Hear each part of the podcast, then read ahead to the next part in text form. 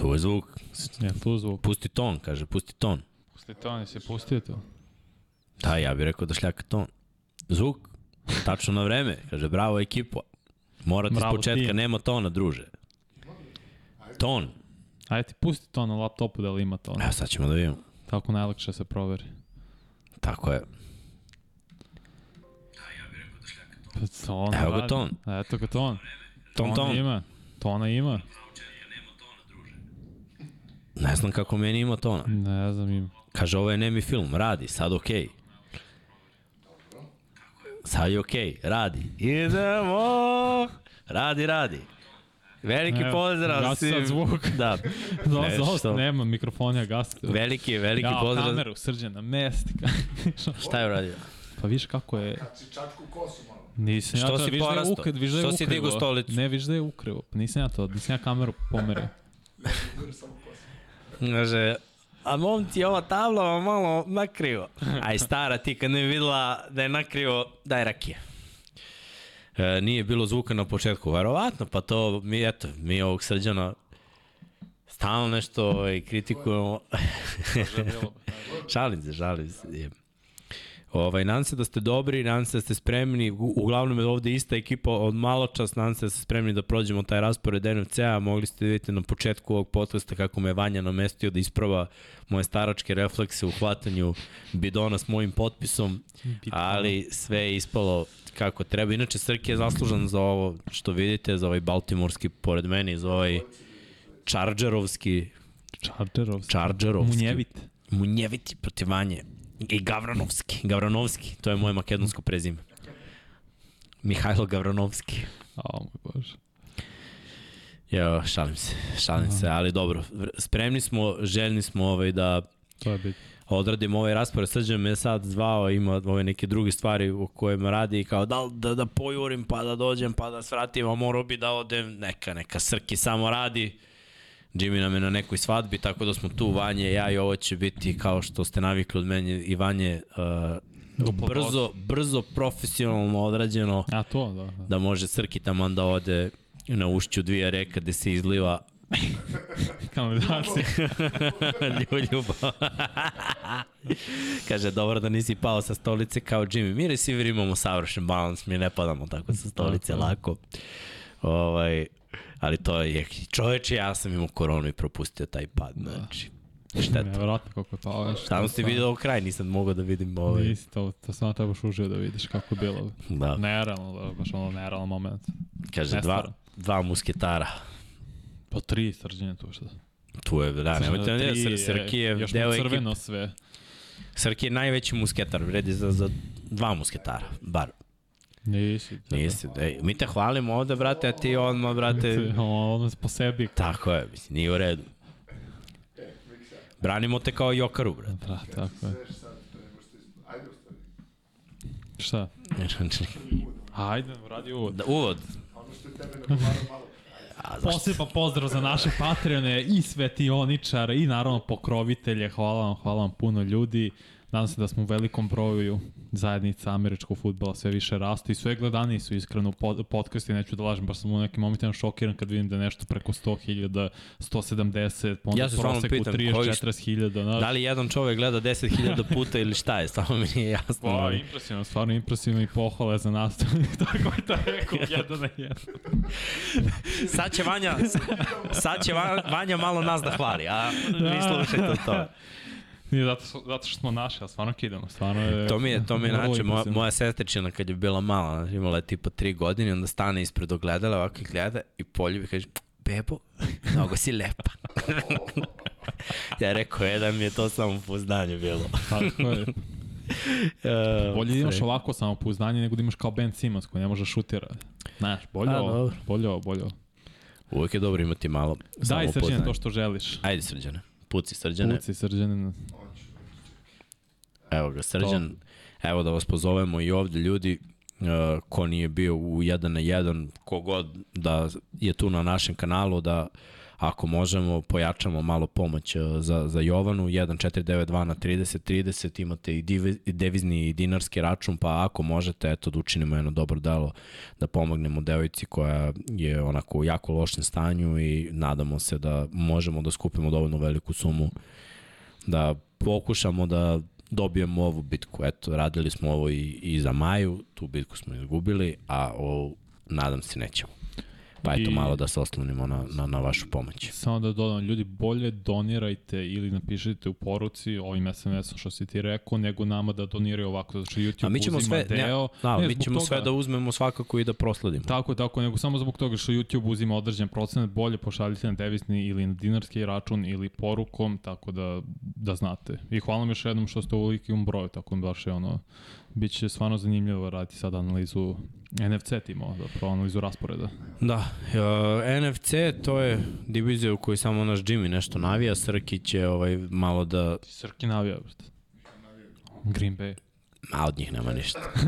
On je sad Jets, brate, to je prodao se. Nije. Da, vidjet ćemo kako krene sezona, ali ja ti garantujem da će on za Rodgersa da navija. Miriše mi nekako. Dobro. Pustio je, pustio je Srki malo, videli ste naš thumbnail, tu je raspored, pa su tu bili neki pirati, vikinzi, Lavovi. uh, ovnovi, panteri, orlovi, sokolovi, lavovi, kauboji, međ, međedi. E, ne, Ne moraš, sve znam, sve- sve znam koji su. Međedi.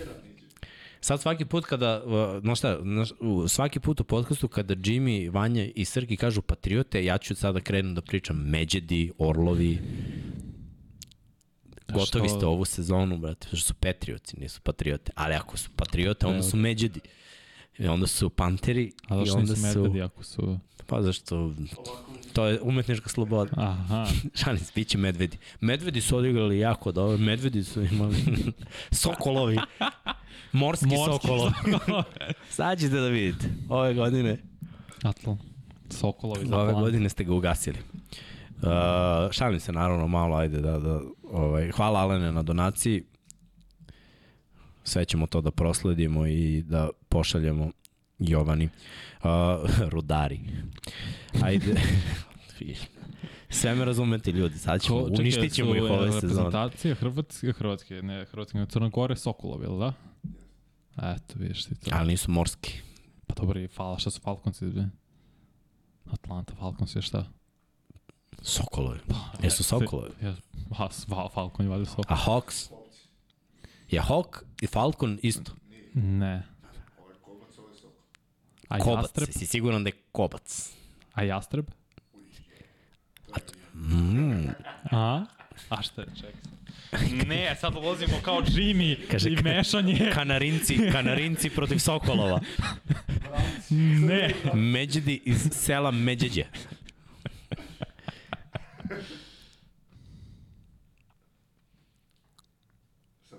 Da, dobro, Soko je Falcon, okej. Da. Hockey jastreb. Jest. Da, okej, dobri smo, dobri. nismo Morski ništa. jastrebovi. Uništit ću Da. vas ove godine, samo to ću vam kažem. Ne, Srki, ajde, puštaj ovo prvo što smo spremili. Ne moramo, ne moramo mnogo da čekamo. Evo ga prvo, pa šta su kardinalci? Pa vrapci. A, Šalim se, kardinali, kardinali. Pa što zar To je nismo posebno. rekao i istok?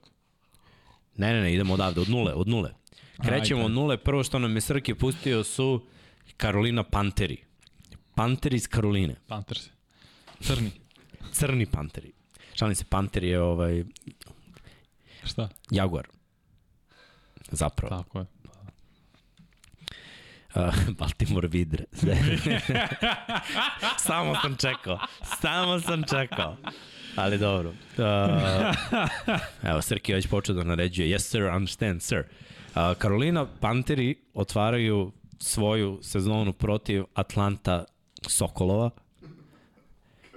U prvom kolu, posle u drugoj nedelji igraju protiv Svetaca iz New Orleansa, pa protiv, protiv morskih jastrebova protiv Vikinga u četvrtoj nedelji, protiv Lavova u petoj, protiv Delfina u šestoj. Daj, dalje. Ti si svoju lekciju naučio, ovo će da pomoćete se da čujete opet kada budu bili srđani Jimmy ovde. Vrati na raspored. Ali pazi šta, šta sve ima čoveče do kraja. Texan se ne bi znao kako da, E, da aj prevede. prevedi Texans. Da, oni su iz Teksasa.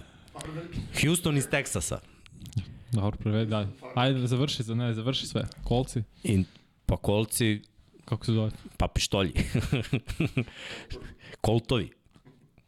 Koltovi. Kolt u množini. Kolti Dobro, znam šta je, ali zar nije i... mamuza. Al ne, mamuza. Ne, mam, nije, to su Spursi. Spurs. Potkovice, Potkovica.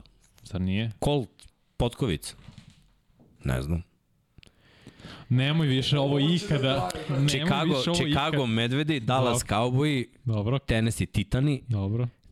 Tampa Bay Ajde, Gusari, pa, Pirati, to je, pa nije pijera, to je baš slobodan prevod.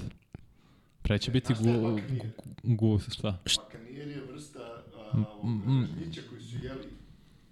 Aha, vrsta Aha. ražnjića koji su jeli Tampa Bay, vrsta ražnjića koji su jeli Gusari, Sveci iz New Orleansa, Sokolovi iz Atlante, Ja. Green Bay, kako Packersi Srki, to su ovi tvoji pa ovi što bivši. pakuju. Pakovanja. Pa, to pack. Green Bay pakovanja, Pakovači.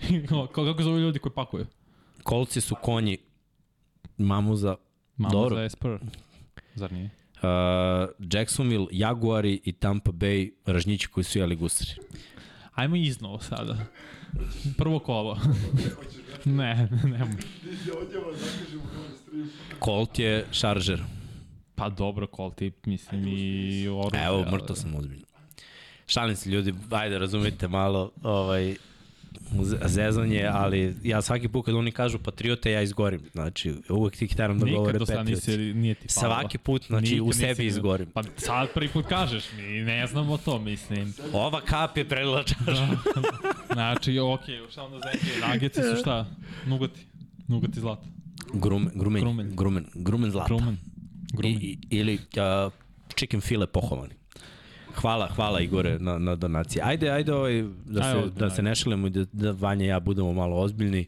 Uh, Karolina nema generalno težak raspored da kažemo da divizija južna NFC-a ukršta sa samo do, sa južnom divizijom AFC-a Isto koja sve, trenutno se jednako raspada kao i, dobro, ima jednu bolju ekipu, ali generalno i isto loša a, situacija. Što se tiče NFC-a, oni ukrštaju sa severnom divizijom NFC i ovako ide raspor. Prva nedelja Atlanta Falconsi, Saintsi u drugoj nedelji. Mi ćemo sada otprilike uvek davati najbolji scenariju, znači nemojte mm -hmm. da, da mislite da mi prognoziramo koliko će njihov skor da bude, nego mi kažemo u najboljem slučaju ovoliko pobeda oni mogu da imaju. Zato su nam otprilike neki timovi imali malo više nego što je realno, neki timovi po mišljenjima nekih malo manje, ali dobro, svako ima svoje mišljenje, mi se ovde ne igramo prognoze, nego eto, dajemo neke naše otprilike neko naše viđenje kako bi sezona mogla da se odvija. To ništa ne mora da znači dok ne krene sezona, dok ne vidimo u stvari finalne rostere koje još uvek ne vidimo, mi ne znamo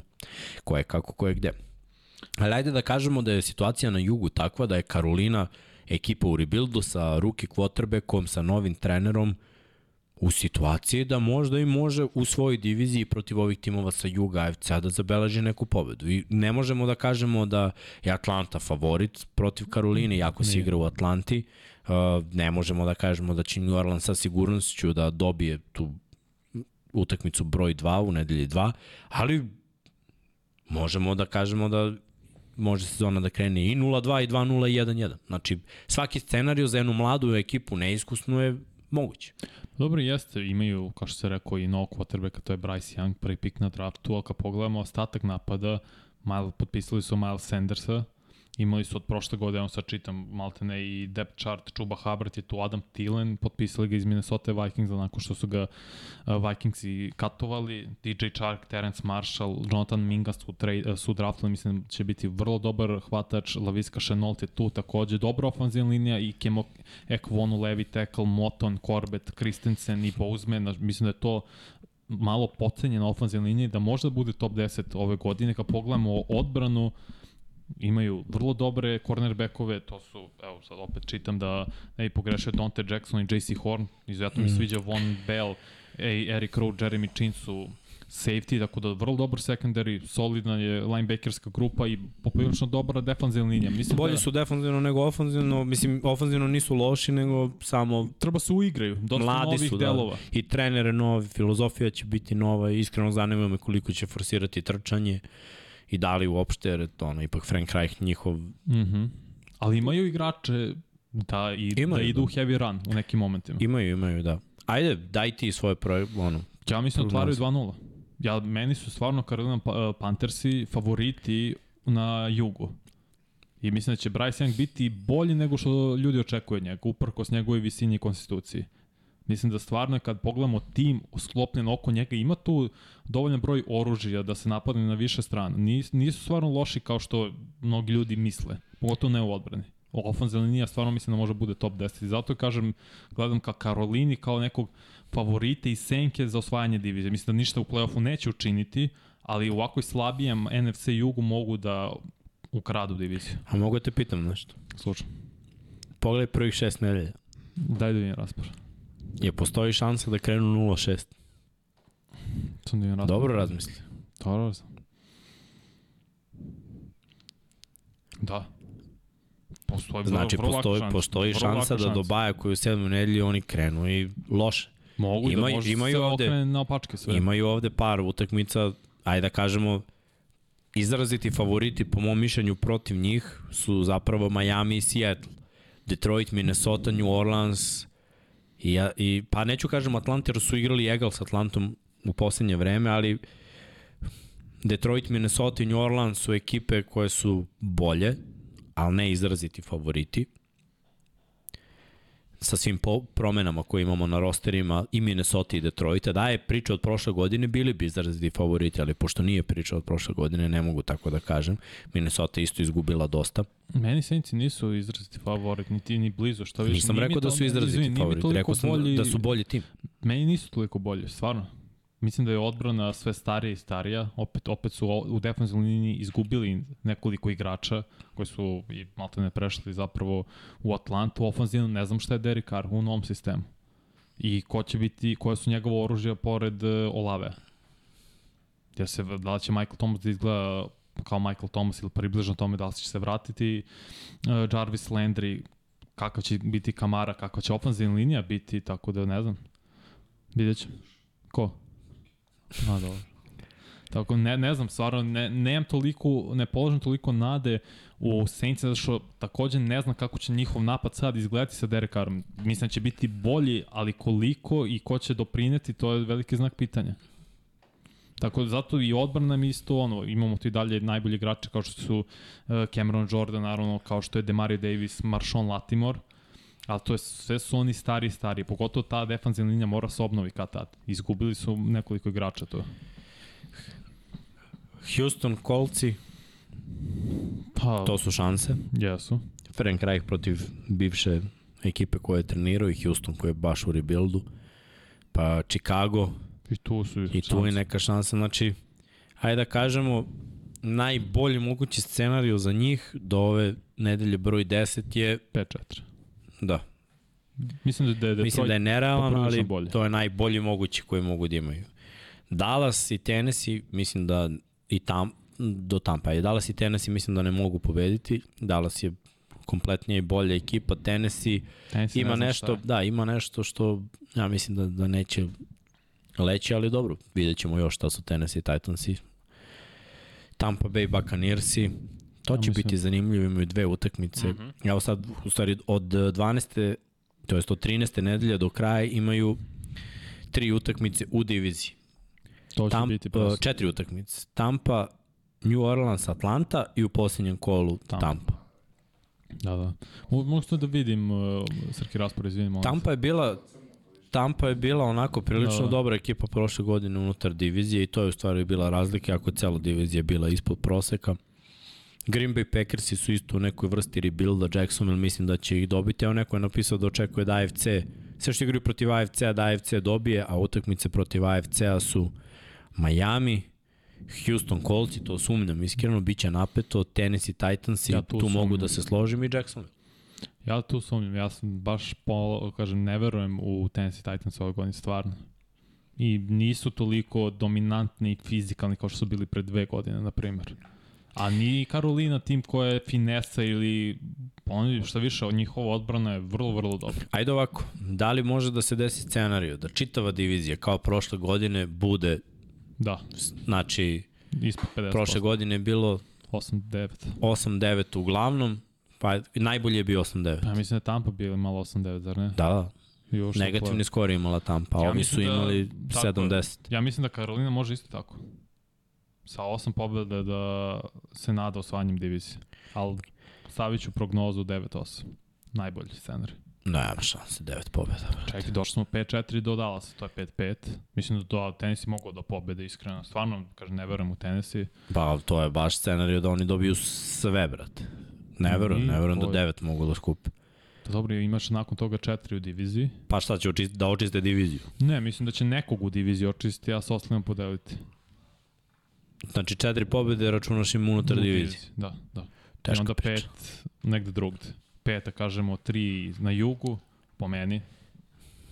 Tri na jugu, to je sedam. Green Bay. Nije da ne mogu. to je osam.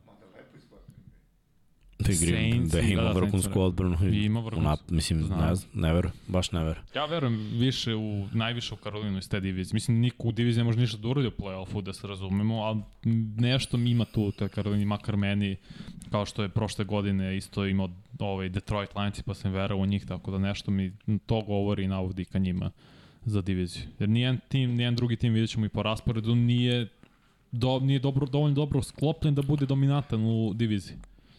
Dobro, ajde idemo dalje. Srki pušti sledeću ekipu, to je Eto ekipa Tampa Bay Buccaneersa. Buccaneersi kao prvaci divizije prošle godine imaju malo teže raspored i tu je jedan rebuild. Vidjet ćemo da li će Baker Mayfield da postane Baker, Baker, money maker. ono, ono što on veruje da može da postane, a to je kotrbe koji nosi franšizu, kotrbe koji igra sigurno i koji može da odvede ekipu u play-off, što, što ima problem ovaj, u svojoj karijeri da učini dok igra u Clevelandu. Uh, Ko je ofenzivni koordinator Tampe? Jesmo ustanovili to? Ili je to stalno pitanje koje postavljamo, jako znamo, jako već nekom pisao odgovor? da, stalno postavljamo ovo pitanje. Ali, znaš šta, ajde da kažemo ovako, imaju talent. Talent je tu. Da, okej. Okay. Nisam siguran da, da imaju stručni štab koji može da vodi taj talent, ali imaju talent i to nije dobar spoj mladog talenta sa iskustvom, jer su sve to dobili kroz ovaj kroz ovih par play-off rano, da. dok je bio dok je bio Brady. Tako da ono osvojili su, videli su i to neki mladi igrači. Imali su neke veterane, neki veterani su otišli da bi neki mlađi igrači izašli, imali su dosta povreda. Čini mi se da je i to dobra priča za njih, da, da su se konačno, ovaj, mislim, naravno, računamo da su svi zdravi kad, kad radimo ove prognoze. Ali raspored nije na njihovoj strani. I opet kažemo to što je dobro, to što je dobro jeste da ukrštaju sa jugom AFC-a gde oni jesu bolja ekipa od dve bar sa juga AFC-a i prošle godine nisu imali toliko problema sa ostalim ekipama, kol- koliko god one bile talentovane, meni ne deluje da je bio neki drastičan skok za druge ekipe sa, sa NFC-a. Znači, čitav NFC jug nije imao neki drastičan skok, zar ne? Pa nije, Ne možemo da smatramo- Drastičan pad na, pod, na, na najbitnijoj Da poziciji. Bili su od šampiona drastičan pad na prvaka divizije s negativnim skorom. To ti pričam, znači To jeste sa pad. Tom Bradyjem su imali osam pobjeda i sad ovo što sam te pitao, šta je sad sistem u napadu Tampe sa Bakerom? Ja ne, ne vidim da imaju igrače da mogu da budu tipa kao Cleveland da trče mnogo. Ti kad sad kad ti pročitam startere, sad je starter uh, Rached White i Chase Edmonds iza njega i Kishon Vaughn. Da, Ne znam kako će to da izgleda, stvarno. Ja ne sumnjam u, u Evansa, u Godwina, njihove hvatače, to i dalje KG. Online je dobar. otišao Donald Smith. Otišao do Donald Smith, ali mislim da su draftovali. Nisu. Znači i dalje sad su prebaceni na levoj strani po ovom depth chartu Tristan Vir, Virsa, tu je i dalje kao Jensen, draftovali su ovo Cody Maha, Mauha u drugoj rundi i stavili su ga ovde desni guard, možda može da igra i tekla, znaš, opet sam pitanje je koliko Baker, jest na kom nivou Baker može da igra. Džabe tebi hvatači brutalni ako Baker ne može loptu da im uh, doda na mesto i kada treba. Dobro. Run by. To je ono što im ne ide na ruku. Ajde da kažemo ovako. I oni mogu da krenu ovu sezonu napeto. Prvo kolo Minnesota, znamo kako je bilo Minnesota prošle godine, ne znamo šta ćemo videti u toj prvoj nedelji.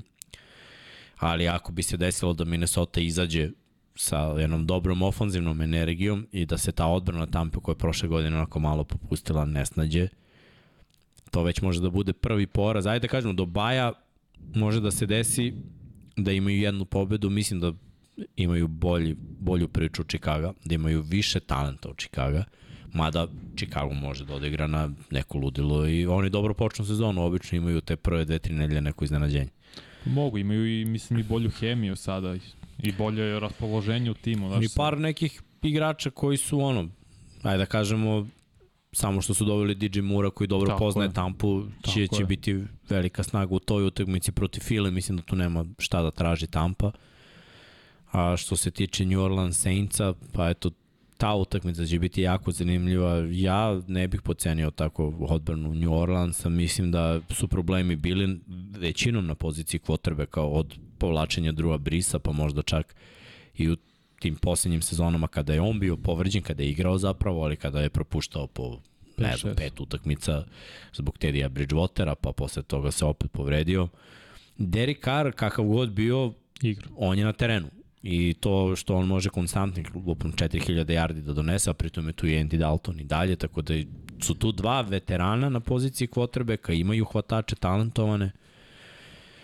Mislim da će, da Saintsi tu da se bore. Mislim, svakako čitava divizija nije sve sjajno, ali mislim da kao i prošle godine ja nešto A verujem. u ne, te- nije Dalton u Saintsima, on je u Otišao? Panthersima, da. Pa, u Karolini? da. Sjajno. To je James. Hmm. James i... Pa da, James, James i, i Derek Carr. Dobro, Da. Derek Carr Start, to je tu na terenu. Što znači jedno, a? Do baja. Pa, znaš kako, u najboljem scenariju su dve. Ok. Znači, da li je protiv Minnesota ili je protiv Saintsa, ali to je 2-2 do baja. Loše što je baj ovako rano. Jer nakon toga ide Detroit, ne znamo da li je Detroit Detroit od prošle godine, to isto mora da se vidi. Jared Goff pod pritiskom nije vrhunski igrač.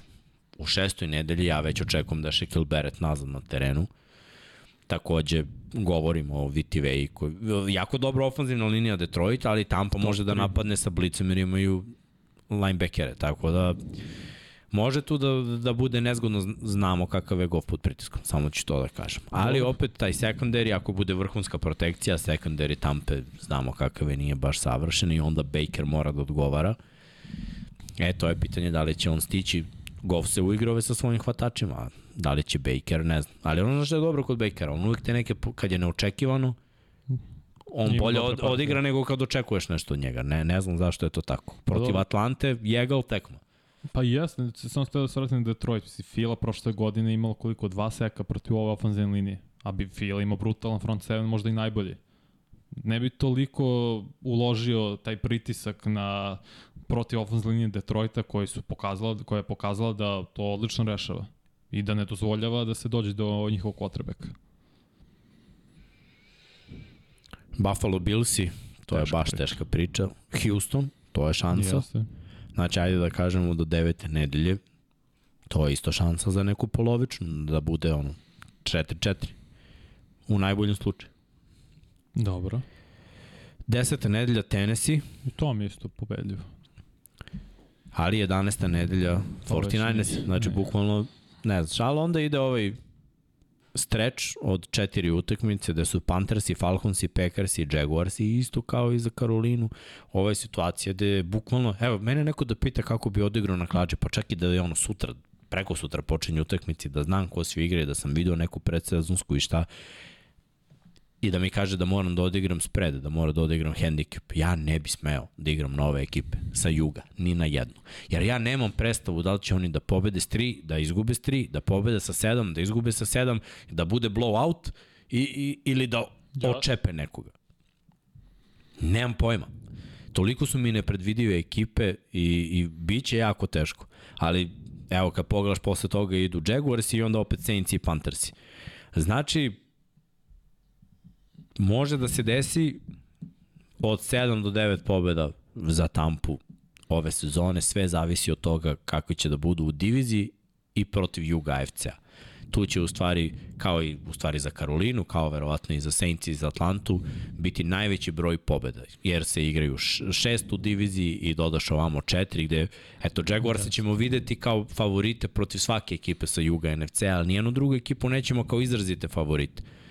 Znači da kažemo da, eto, Tennessee možda ima neku priču, ali Houston i Coltsi će biti Teža priča, teža, teža, ali teško mi da zamislim da Tampa ima sa Bakerom 8 pobjeda kao što je imala sa Tom Bradyjem prošle godine 8 pobjeda. mm, Stvarno mi to teško zamisliti i razumem da je bilo i prošle godine povrede i Beretove i, po, i hvatači su isto bili povređeni, sve, mi- sve mi to okej, ali opet Baker Mayfield mi je tako neko mašina za prodavanje lopte, mislim, koliko možda to zvuči ružno, ali to je tako. U igro je dobro kad je imao brutalnu ofenzivnu liniju i brutalne trkače, to nema sada u Tampi. Ofenzivna linija Tampe je znak pitanja kako će da se obnovi. Tako ne znam, ja Tampu on 6-7 pobjeda stvarno i biće baš teško, mislim, bit će oni u borbi za osvajanje divizija, što je takva divizija, nažalost, mm. -hmm. kao prošle godine što je, su bili Karolina i Atlanta u nekom momentu i Saints i svi su malte ne mogli, sve do poslednje dve kola, dva kola dok i Tampa nije to rešila, a ove godine će biti opšti haos. Protiv koga su oni izraziti favoriti? Sad kad pogledaš raspored. Pa takva su ekipa da nisu, nisu izraziti, ti kao, ni, kao niko s juga NFC-a. Niko tu nije izrazit favorit ni u jednoj utakmici. Možda, u stvari, lažem. Izraziti Houston. favoriti su mi protiv Houstona i protiv Coltsa. Zato što Ok. su to ekipe koje uopšte znači, kreću iznova, novi tim, mlad tim, novi quarterbackovi, novi treneri. Ovde bar postoji ono neki kor u svim ekipama, imaš neke nove igrače, ali postoji neki kor uh, s- starijih igrača i treneri su tu. Znači za Tampu je trener tu, uh, za Karolinu je novi trener, za Saints je isti trener i za Atlantu isti trener. Tako da to, to je to mala prednost. Pozdrav, brale. Tako da, da on kaže, znači od 17 utakmica u dve su, da kažemo, favoriti. To je Dobro. baš loše. Dobro, vreme je da idemo dalje. Tu je s nama Aca. Stigo je posle španskog malo da pogleda. Uh, Srki je pustio New Orleans Saints-e. Čekamo ovde da se pojavi, da me ne grdi. Pusti tamo i topiraj. Uh, Tennessee Titansi, prvo kolo. Biće to jedno. Jedan tvrd Dobar meč. Onda Carolina Panthersi u drugoj nedelji, Green Bay Packers i Tampa Bay Buccaneers. Ajde da kažemo prve četiri nedelje za New Orleans Saints-e. To će biti zanimljivo. Marko Simović pita ko trči za Tampu, pa verovatno će biti Von, Von White i i White i Edmunds. Biće to kombinacija, White-a smo videli malo prošle godine, Von je tu već dve godine, a Edmunds je došao. Ne znam kako Tako se da- izgovara, Rečad ili Račed White? Rashad. Rashad. Mislim, dobro, ja ga tako zovem, ne znam da li se tako izgovara. No, ok, može ja se, ok, Rašad White. Zašto ima dva A, mm. -hmm. CH, A, A, pa... Odd. A. Znači, niko zapravo ne trči sad, vidjet ćemo. Pa dobro, vidjet ćemo. Da. To ne, ne može da znaš. Znaš, ko trči za Saints? Isto, isto je Kamara. pitanje. Kamera je tu, ali svake godine pola propusti, pa oni traže, pa, pa Jamal Williams, kopaju. bre. Da, doveli su Jamala, ali Jamal je goal line back, pa da li će on... Ali kamera je jako zahvalan goal line back, pa da li će njega u tim situacijama slati da bude slot receiver ili igrati s dva beka, koje su tu taktike, znaš, dugo nisu imali tandem gde su obojica u prime time, znači Ingram je se jeste vratio, ali nije bio dobar od one Prošle godine kad je godine, da. otišao iz Saintsa, da, nije, nije to više taj Ingram, dok je sad Jamal najbolji u touchdownovima istrčanim prošle godine, kamera godinama među najboljim hvatačima iz backfielda i stavake godine povređen, znači treba mu neki drugi one-two punch. Znaš, New Orleans ima to, ima Derika Kara koji može da poveže, Olave je odigrao dobro prošle godine, Vrlo dobro. I, imaju oni svoje oružje. Mislim da, da, da će ovo biti baš, baš zanimljivo. Ajde kažemo, ovako, prve, prvih pet nedelja do New Englanda. Tennessee, Carolina, Green Bay, Tampa, New England. Pa niko... Može vrlo lako da se desi da oni do pete nedelje imaju 4-0. Izvini, New England. Gdje je peta nedelja? Tennessee, Panthers Packers Buccaneers i New England. Znači, da li će, može da bude, mogu da izgube dve, mogu da Mogu da dobiju pobede dve, sve. mogu da dobiju sve. Nijedan od ovih timova nije... Ajde, izrazit uklju, ajde uključimo ovako i New England i Texans. Znači, do sedme nedelje, do Jacksonville Jaguarsa zapravo osim New Englanda, koji je onako uvek Još u gostima. tvrd orah, naročito na svom terenu, sve ove druge ekipe su pobedive. Znači ne možemo, ne možemo ovde da, da isključimo, ali eto, do, do sedme nedelje vrlo lako može da se desi. Onda ide ta utakmica protiv Jacksonville koja će biti malo teža. Naravno, neće se desiti da oni pobede sve ove, neko mi govorimo generalno najbolji scenariju za njih. Teško je jako kad nisi kompletna ekipa izraziti favori da dobiješ sve. Mogu da se sapletu protiv Titansa u diviziji protiv Panthersa ili Buccaneersa, to ne znamo šta će da bude. Packersi su po mom mišljenju ekipa koja je samo ono, promenila kvotrbeka i otišlo je par veterana, ali imaju mlad tim željan dokazivanja. Tu može da se desi da, da se oni postave kako treba. New England je ekipa koja je takođe kompletna, imaju oni svoje falinke, naravno, ali i ovi timovi o kojima trenutno pričamo imaju svoje falinke, znači ovo nisu kompletni timovi. Znači do Jacksonville ili Jaguarsa, možemo kažem, pošto je u gostima Patrioti i Jaguarsi su jedini realni favoriti protiv Saintsa i samim tim, mislim, ako gledamo najbolji scenariju, možda šta, 5-2. Ajde, gledaj, Da u osma i otvori. deveta nedelja Colts i Bersi. Znači Opet. ti do devete nedelje zapravo može, može da se desi vrlo lako da imaš šest ili sedam pobjeda. Može, zato što nisi nijedno meču sem ova dva ono, underdog. I Onda... ti si protiv kolca favorit. U desetoj nedelji ide Minnesota, To je već teže. To je, da, dosta vidjet ćemo kako će biti Minnesota, mi ih nismo ocenili ove godine kao ekipu koja će da bude preterano dominantna, ali Minnesota ima taj skill set da oni znaju da skinu skalp Saintsima i radili su to i u play-offu dva puta u oni najboljoj eri kad su u stvari mm. -hmm. Saints imali svoj prozor za eventualno osvajanje Superbola. Uh, onda u 11. nedelji ide baj, na jakom dobrom mestu je baj, posle toga Atlanta Falconsi, Detroit Lionsi, Carolina Panthersi.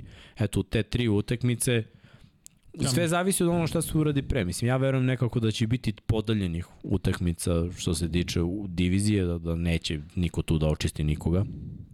Da će biti teška priča. Detroit nekako verujemo da je spremno. su uigrani, da su sazreli i da je ovo njihov trenutak, naročito protiv ovakvih ekipa, mada ko zna.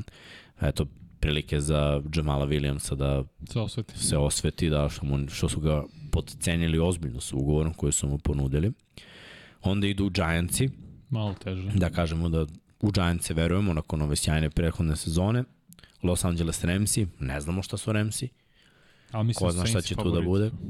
I onda idu Buccaneers i Falcons i dve divizijske na kraju. Mislim, sad sve kad se uzme u obzir, moramo da budemo realni da računamo eto, ten, tu neku podelu unutar divizije, ali oni su možda ekipa koja na konto rasporeda i može da do, dođe do 10. U najboljem slučaju. Pa 9-10, ja mislim da je to za Saints realno. Jako sam rekao da verujem u Karolinu, ali kad gledamo najbolji scenario i raspored kako se idealno poklapa u nekim momentima za Saints, jer ne, nikad ne vezuju dva, pro, dva teška protivnika. Da, nije. To je vrlo zanimljivo isto da se vidi. Znači, Tako pazi, da- ali ne samo to, nego je taj jedan teški protivnik okružen sa dve lake utakmice. Upravo to. Znači, uh, Patriotsi su okruženi sa Buccaneersima, Texansima, Jaguarsi s Texansima i Coltsima, Vikingsi sa Bersima i Bajom, Mhm. Detroit sa Falconsima i Panther, mislim da to su teške utakmice jer su unutar divizije, ali Giantsi sa Panthersima i Ramsima.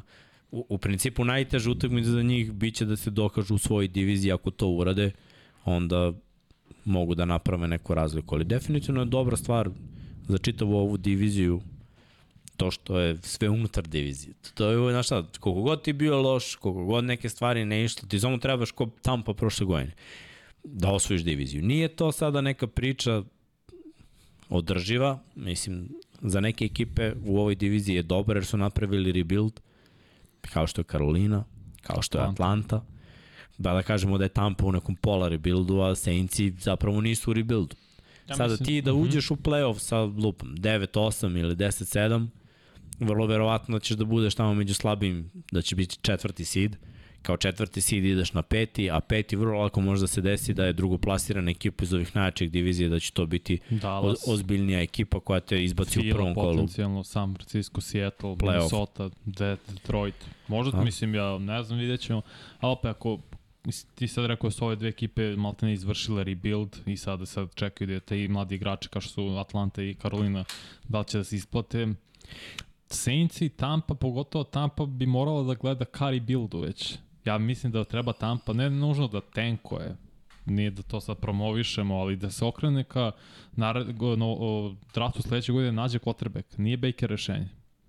Za Saints je okay, Derek Carr, ja mislim, može da igraš 3-4 godine pa da vidimo šta smo, gde smo, oni treba ostatak tima da rebuildu i da, kažemo, odrade zamenu, pogotovo u defensivnoj liniji, možda čak i do neklu u ofenzivnoj, ali sa ovakvom konstruisanim timom treba Saints sada gledaju dok je slaba divizija da napadnu titulu, divizijsku titulu i vidjet ćemo kako će to da se odvija dalje. Ajmo dalje, Srki.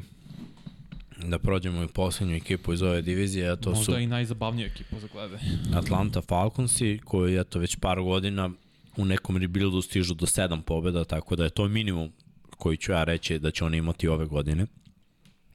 Nijednom nisu ušli u play-off, ali eto, s njima je nepredvidivo ako su zdravi i svašta može da bude, ba im je ponovo u toj nezgodnoj ali jako dobro 11. nedelji. Mm -hmm. Njihov problem je što budu povređeni dosta pre te 11. nedelje. E sad, vidjet ćemo ove godine jer su draftovali running backa, pa onda neće se sve svesti na Cordarella Pattersona. Mislim da će London i Pitts ostati zdravi. Isto, nadam se.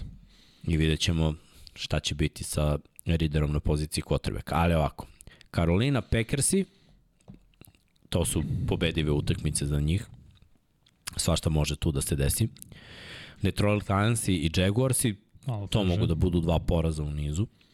Vidjet ćemo. Dobro. Ali da kažemo, eto, za razliku od Saintsa, oni vezuju ovde, pa do Texansa koji eto malo lakši match-up, prva četiri, morat će da se potvrde. Dobili su Karolinu, malo je falilo da izgube od Karoline, da nije bio onaj glupi prekrši Mura. Da, ona, kada je skinuo kaciju. Ali van terena, to nije prekrši, ali dobro sudi su svirali prekrši. Da, glupost. Packersi, vidjet ćemo kakvi su, šta su, ne znamo. Srki ovde veruje dosta u Jordana Lava, zato navija za Jetse. Detroit Lions Detroit Lions i verujemo u njih da. kao, kao da su fizi, fizički jača ekipa na liniji skrimidža to može da mm -hmm. bude razlika protiv Atlante a dobro Atlante ima dobru de, ofenzivnu ja mislim da ljudi stvarno po, po ceni Lindstrom je vrhunski guard koga, koga još imaju sad ću da kažem mislim Caleb McGarry meni dobar desni tackle Zatim Jake Matthews, isto dobar levi tackle, draftuli su Bergerona, Matthew Bergeron kao levo garda. Mm. Mislim da imaju dobro online. E, D-line je sad u obnovi. Mm. Oni su potpisali i Campbella i ovaj, on je Matu iz Saintsa, tako da su oni malo sad veteranski okrenuti. Ali su obnovili dobro secondary. Da, Jesse da. Bates. Ne, secondary je odlično. I imaju perspektivne corner. Mm -hmm. Dobro, ajde da kažemo do pete nedelje, do Texansa, je može tu da bude 3-2. Može. Može. Da kažemo Karolina, Texans i Packersi, na primjer.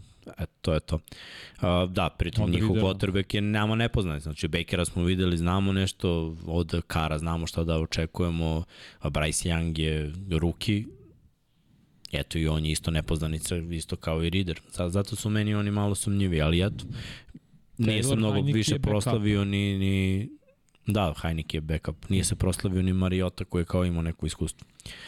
Washington, To je isto pobedio. To je šesta ekipa takođe, I ne znamo šta im. Da. quarterbackom koja je nepoznanica. Sam Howell, kog su draftovali prošle godine u peter, oni čini mi se sad će biti starter. Iako je Terry McLaurin dosta reči hvale imao za Howella kako ih predvodi u međusezonu, jer ne znamo kako će biti na terenu. Kad su utakmice koje su bitne i koje zapravo ono, važe, što bi se reklo. Tampa Bay Buccaneersi. A to je rekao da dele sa divizijom. Pa, meni je delo da će tako moram da procenim, jer su mi svi jed, jednako loši ili jednako dobri, pa vi sad izaberite što da, da. Tennessee Titans i sledeći, onda Minnesota Vikings. Ja tu u toj od pete, to je sada da kažemo 6. 7. 8. 9. nedelja, tu dolaze ekipe koje su onako defanzivno dominantne do Minnesota. Znači, a Minnesota je ofanzivno dominantno odnosno na ove tri ekipe. Washington ima konstantnu odbranu i trče. Buccaneersi imaju konstantnu dobru odbranu, nemamo pojma šta su u napadu. Tennessee ima dobru odbranu, konstantnu odbranu, oni brane. Minnesota sad će biti u problemu malo defanzivno, ali imaju napad koji može da da poene. I, i deseta nedelja Arizona, eto tu mogu da kažem da, da su favoriti Falconsi jer nemamo pojma šta će se desiti sa Cardinalsima i da li će se Kaler Mare vratiti, oni pola ekipe će da izvezu. Uh, katovali su Deandrea Hopkinsa, bukvalno nemamo predstavu šta je sa Arizonom, a meni del, deluje kao rebuild ponovo.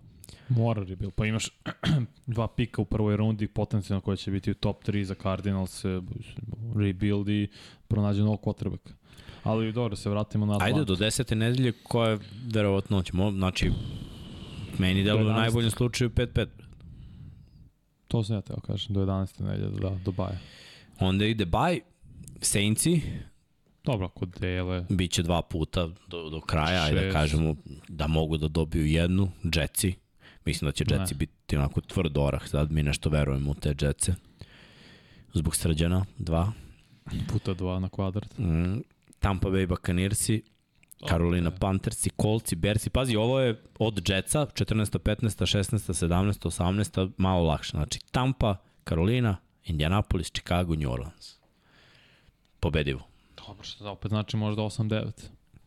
Ako su prošle godine imali 7, a verujemo da imaju sad bolji tim i draftovali su dobro i opet mm. -hmm. i tu je i kako se zove i AJ Terrell kao cornerback ozbiljna preko puta sad do kude vidjet Pa ćemo da li će da se pronađe maksimalno sistemu. 9-8, to je ono da se sve poklopi. Da se sve poklopi Na baš. mišiće, a? Na, da, da, da, na, na mišiće. Imaju, ajde da kažemo, ako podele tri iz divizije, uh, u najboljem slučaju dao bi im Tri iz Cardinalse, Texanse, to je pet, kolce. Coltse, Berse, to je sedam, i od ovih ekipa da iznenade tipa Commanderse, I Titans, Packerse, pa Tennessee. Može da se desi.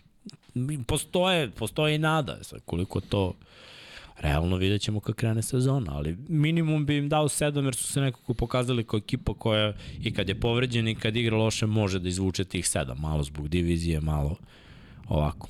Pa Da, no, vidjet ćemo ono- sad koja će njihova, svakako trebalo bi više da trče sada kad imaju i Robinsona i Pattersona i ovu dvojicu i Pizza Alžira i... isto koji ima 1000 yardi Da, trčanja prošle Imaju, brate, sad, sad stvarno imaju. Biće baš zabavno gledati. Neko ovde napisao će Heineke da preuzme ekipu. Vrlo ja, ja bih to odradio vrlo brzo, jer dečko je bar borben. Probao bi s ovim Riderom da vidim ako greši, sedi dečko, dođe Heineke pa da se igra. Ono što možemo da kažemo, Falcons i plus sigurno. Oni su ekipa koji meni makar delo će igrati na više poena ove godine. Dobro. Ajmo, Opa, ajmo dalje. Srki pušta Detroit Lionse. Što se Lionsa tiče, već smo prešli na sever. Sever NFC-a. Sever NFC-a, kao što možete videti. Ukršta sa jugom, to smo već zaključili malo čas. Jug NFC-a, a što se tiče AFC-a, ukrštaju sa zapadom. Da dodam jednu stvar. Ja mislim da Detroit Lions je ozbiljno treba da gledaju ka Hopkinsu, kao opciju da ga potpišu. I on ka njima. Jer već imaju vrlo eksplozivan napad, imali su i prošle godine i bez Jameson Williamsa, on je sad suspendovan svako, tako neće praviti nikakvu razliku. A mislim da sa Hopkinsom i Amon St. Brown, Amon Ra, pardon, St. Brown mogu napraviti ozbiljan duo i ozbiljan tandem.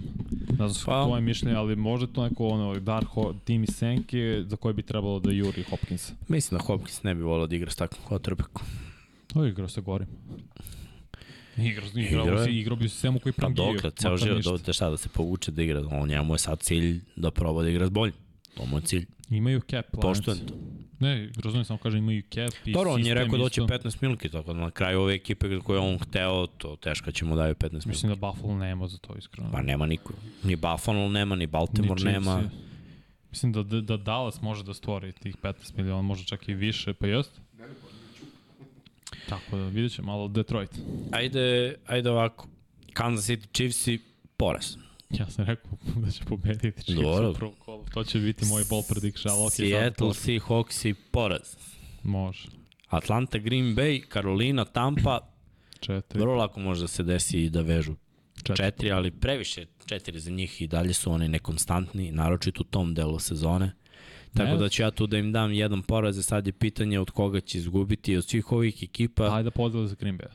Ajde tako. Dobro, ajde. Znači 3-3 posle 6. Baltimore u sedmom, sedmom kolu, teška priča. Malo. Dobro, vi ste i njih teško rešili, koliko se ja sećam, da je bilo Ali- potreban kik. Nije samo jedan, uvijek je rekord protiv njih. Da, to ti Je znaš, Jel da? ali uvijek je pobeda. to je neko ludilo. Ali moram da verujem da će Baltimore da ih reši. Sad nešto verujem u Baltimore. E, su značajno bolji, Ravens. Baltimore, da. U odnosu na prošlu godinu. Ne, da. ne, ne, poređen sa Detroitom. Jer ne znam da li imaju bolju odbranu sada. Kad staviš na papir samo gledaš. Pa na papiru imaju.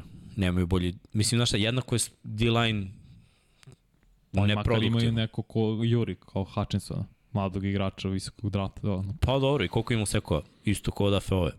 Imao mislim 9 sekove u kao ruki. Je imao. Da. A, eto, Houston Mater je imao To, isto tako. Ja mislim da imao. Ne 8 znam, ovo je 8, rookie. Ne 8 znam. i po 9. Tako nešto imamo. Uh, teško ide trčanje protiv Baltimora. Slabiji su na dodavanjima, ali Jared Goff protiv Baltimora se nikad nije istakao. To mu je mana. Kad je igrao za Remse, imali su Mislim da je bila nulica u onoj utakmici. dobro, to je davno. o, ovo je olanje bolje. Kako se što Jest. su radili prošle godine? Koliko, koliko je bre... Nisu igrali prošle godine. To je onda bilo pre dve, ovo... Da, da, da, bilo je jedva, jedva je bilo. pa dobro, je jedva je druga bilo. priča. Mada, pazi, na toj istoj utakmici tri dodavanja za touchdown Lamara, Marquise Brown ispušta. Uh, gledaj, Detroit je postao mnogo bolja ekipa i njihova šansa u ovoj utakmici je da probaju balansom, znači trčanje, da se skupi odbrana i da pucaju dodavanjima, jer Baltimore to ne može da brani, videlo se prošle godine da svi quarterbackovi koji dodaju, ako imaju vremena za hvatače, sad, u sedmoj nedelji se vraća Williams. Je tako? Tako je. Šest nedelja mu je To pauza. i Marvin Jones. To Eto, tu je, tu je ovaj velika šansa, jer imaju, Jones je već igrao jako dobro protiv Ravensa i kad je bio u Jacksonville prošle godine i treba sam reći da kažem, nije on to Ra velika- kao ko slot. velika Ne, ne, ne, ne, ne, ne, nije. A razlika koja se najveća pravi ovde je zapravo što odbrana Lionsa nije videla ovakav napad po zemlji i da oni nisu elitni run stoperi. A, malo. za malo. A s druge Dobro. strane, od kad je došao Roquan Smith, Ravens im mnogo bolje brane, brane trčanje, tako da će morati da se napadne po vazduhu. A Raiders s druge strane u osmoj nedelji, to će biti utakmica za, za Detroita da reše to, jer su mnogo slabiji na liniji skrimidža Raidersi, tako da im ja tu odmah dajem pobedu. I u devetoj nedelji im je baj, to im je okej. Okay. Ok, dobro. 4-4, ajde da kažemo. Deseta nedelja Chargersi, to će biti zanimljivo, jer ja ne znam kako će igrati Chargersi koji su dali pare Ekeleru, ali definitivno imaju šanse da ako naprave onaj spread, to je to, ako Detroit ne odigra sa jakim pritiskom, a nemaju elitni sekundari, ovo vrlo lako može da se pretvori u prangijanje utakmicu. Dobro, Detroit je uložio Detroit u svoj igra- secondary. Mislim, Detroit i dra- jeste, i ali- Gardner Johnson i draftovali su ovog sa Alabama, Brian Brancha i Jesu. potpisali Satona, mo, ovo, kako se zove, Emmanuel Mosley iz San Francisco. Tu je i dalje Kirby jo, Joseph kao Gledaj, na safety. papiru i Chargers imaju dobar sekundari. Pa Došao kako je to bilo James. prošle godine? Povred. Po, dobro, nije samo povred. I kad nije bilo povreda, neki igrači koji su bili na Jason i papiru, Jackson je podbacio ozbiljno. Tako to je. je. jasno kao dan. šta ti govori da u novom sistemu sa novim trenerom da će svi ti igrači, ajde, Garner Johnson je safety, ali korneri su promenljivi kada menjaju timove. To redko ko možeš da, ko je bio dobar jedne sezone da kažeš bit će on dobar u novom timu, u novom sistemu i sve. Jasno. To, to ne može sa sigurnošću da se kaže. Redki su ti za koje može da kažeš da potpišeš, e, brate, ovaj ubica. Tako da, napeto, to je, to je ta egal tekno gde im ja ne dajem da su favoriti. Hvala. Chicago Bearsi i Packersi, mislim da su bolji od Bearsa, Rekli, rekli smo da će da podele verovatno sa Packersima, Znači, New Orleans da bi- Saintsi, To su polje. pa on ponovo Chicago Bearsi. Chicago Bearsi su ekipa koja ono, u najboljoj situaciji može da igra egal tekmo, ali mislim da, da će ih učistiti Detroit ove godine. Denver, ne znamo šta je, moramo da vidimo Gde sa igraju? Peytonom. Gde igraju protiv Denvera? Igraju kod kuće protiv Ok, Denvera. bolje nego u gostima. Pa jeste. Moramo da vidimo šta je, šta je taj Denver i oni su dosta promenili i defanzivno pre svega, ali imaju neku istoriju dobre odbrane, ofanzivno to sve zavisi od toga koliko će da klikne Russell Wilson i kakav je sistem uopšte Shona Paytona. Ali iskustvo dajem Denveru za trenera koji zna šta radi i za de, trenera koji zna da postavi dobru taktiku. Minnesota podelit će s Minnesotom vrlo verovatno izgubiti od Dallasa. Tako da ono, u najboljem slučaju oni mogu da uzmu ovu diviziju koja će vrlo verovatno biti ispod 10 pobjeda s 10 pobjeda maksimum. To je jedini scenarij. A da bi se... vratimo ponovo od Baje, šta? Ti kažeš 4-4, ja kažem 5-3. Do Baje.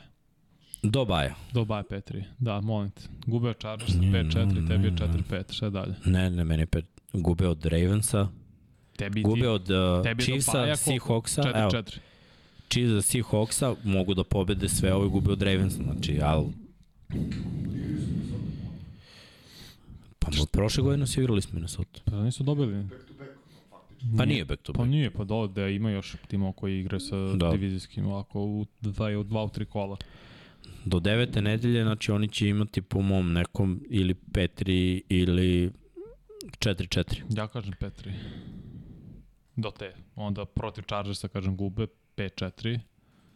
Šta je sledeće? Chicago, Green Bay, Saints i Bears i Ja mislim to mogu da pobede svi po tu već 9.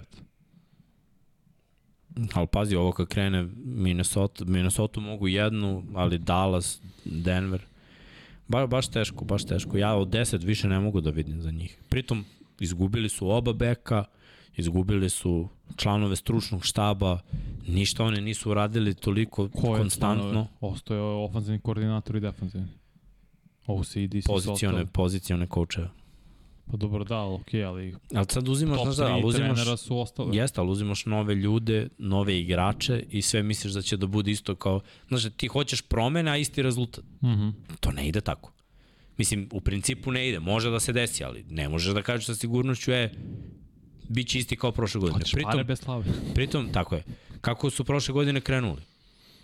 Loše. I onda su imali vrhunsku završnicu. Zašto ti dogovori da će ove godine sad cela sezona da oni vuku 18 nedelja, 19, ono kako treba i, i da sve bude u fullu. Ne znam, ja ih vidim kao osvajače divizije. Ove godine. Može da bude. S 10 pobjeda. Okej.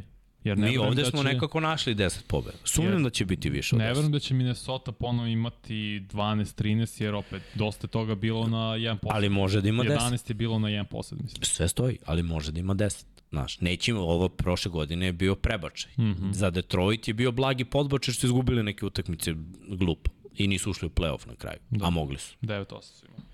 Moglo je da se desi prošle godine da imaju 10-7. Uh, ajmo, ajmo dalje. Dobro, imamo velike očekivanja za, da, za, da. za Detroit, pa eto vidjet ćemo da li će ispuniti ta očekivanja. A čekaj, pre nego što danas e, ovde, to je pređemo Chicago, što smo rekli za ju, jug na kraju, kako koji raspod, raspodeljujemo timove? Prvi, Pa, ne, drugi, pa treći, ja ne, ne znam, nemam pojma. Mislim da, mislim da će Saints osvojiti. Ok. Okay. Raspored onako kako im ide, mislim da je njihova divizija, a onda, mislim, sve zavisi od, pre bih rekao Tampa, Karolina, Atlanta, ali isti skor. Samo razlike u, ono, bukvalno isti skor te tri ekipe, razlika u taj breaku ko, ko Da, je da, gde. da. Ako će da dele, pošto mi nekako deluje da nijedna tu ekipa neće biti dominantnija. Tampu nekako vidim za zbog tog iskustva za lako ispred ovih ekipa gde ne znam kvotrbeka, Bakera bar znam šta je. Šta mogu dobimo njega, da. Ja ću ići Karolina, Saints Atlanta, Tampa. Čisto onako na keca samo. Samo Chicago bez- Da. Prvi pik na draftu, najgora sezona prošle godine, da vidimo da li ove možda bude bolje. Prvo kolo Green Bay Packersi, nema više čoveka koji je vlasnik Chicaga, igraju kod kuće, Znači na prodaju. je može da se skine mrak. Može. U prvoj nedelji, ja? Pravo je ne. Sad kad je tim na prodaji, sad može. Pazi, Ovog posle, vlasnika traže. posle toga Buccaneersi, I to može. Chiefsi, To ne može. Ajde, da- ajde da gledamo koji su sigurni porazi. Znači imaju Chiefse, Broncose, Commanderse, Vikinge, Vikingse, Raiderse, Chargerse, Saintse, Pantherse, Lionse, Vikingse, pa onda baj u 13. nedelji, Lionse, Brownse, Cardinalse, Falconse, Packerse, vrhunski raspored. Nije toliko težak raspored. Nije uopšte težak raspored. E sada, koje su ovde ekipe koje kao Sigurno. dižemo iznad, da je kažemo Chiefs. Sigurno će jednom da ih dobiju Lionsi i Vikingsi, to je moje mišljenje. Možda i Dobro. dva puta obe ekipe. Chiefsi sigurno. Chargers sigurno. Browns, ja isto mislim. Saintsi. Da, Saints. Ja mislim da Nisam ih. Nisam mi siguran Saints. Mislim da pre Cleveland, da ok. Pet. Je li pet? Pet, Da, šest. to je da kažemo sigurno. Da gube. Da gube, da. A šta mogu da dobiju od ovog? Znači, Packers se možda, Buccaneers se možda, Denver, Možda, Commanderse, možda. Raiderse, Stavi ceo jug. Meni ceo jug, NFC možeš slobodno staviš. ma oni će dobiju jedno ili dve od te. I Chicago ne vidim više od šest. Iz ovog rasporeda. Brownsi će ih dobiti. Isto mogu da kažem, Brownsi su strašni sada i defanzivno. Da, da. Mlad je kvotrbe, kao mislim da će Dešon da klikne. Tako da, e da, i to je rekao. Deandre da bi možda. Da, dobro igra se zajedno. Mm. To bi isto bilo fenomenalno. I onda ima Car Cardinals je isto ekipa koju bi mogli da, da dobiju. Cardinals su grozni. E, Falcons i Packers i opet, pa zahvaljujući lakom rasporedu može tu negde, negde Šest, 6, 6, 7, da, ali to je Dobro, najbolji To bi bio scenarij. Za, napredak u poređenju s prošlom godinom. prošle, posljednje dve.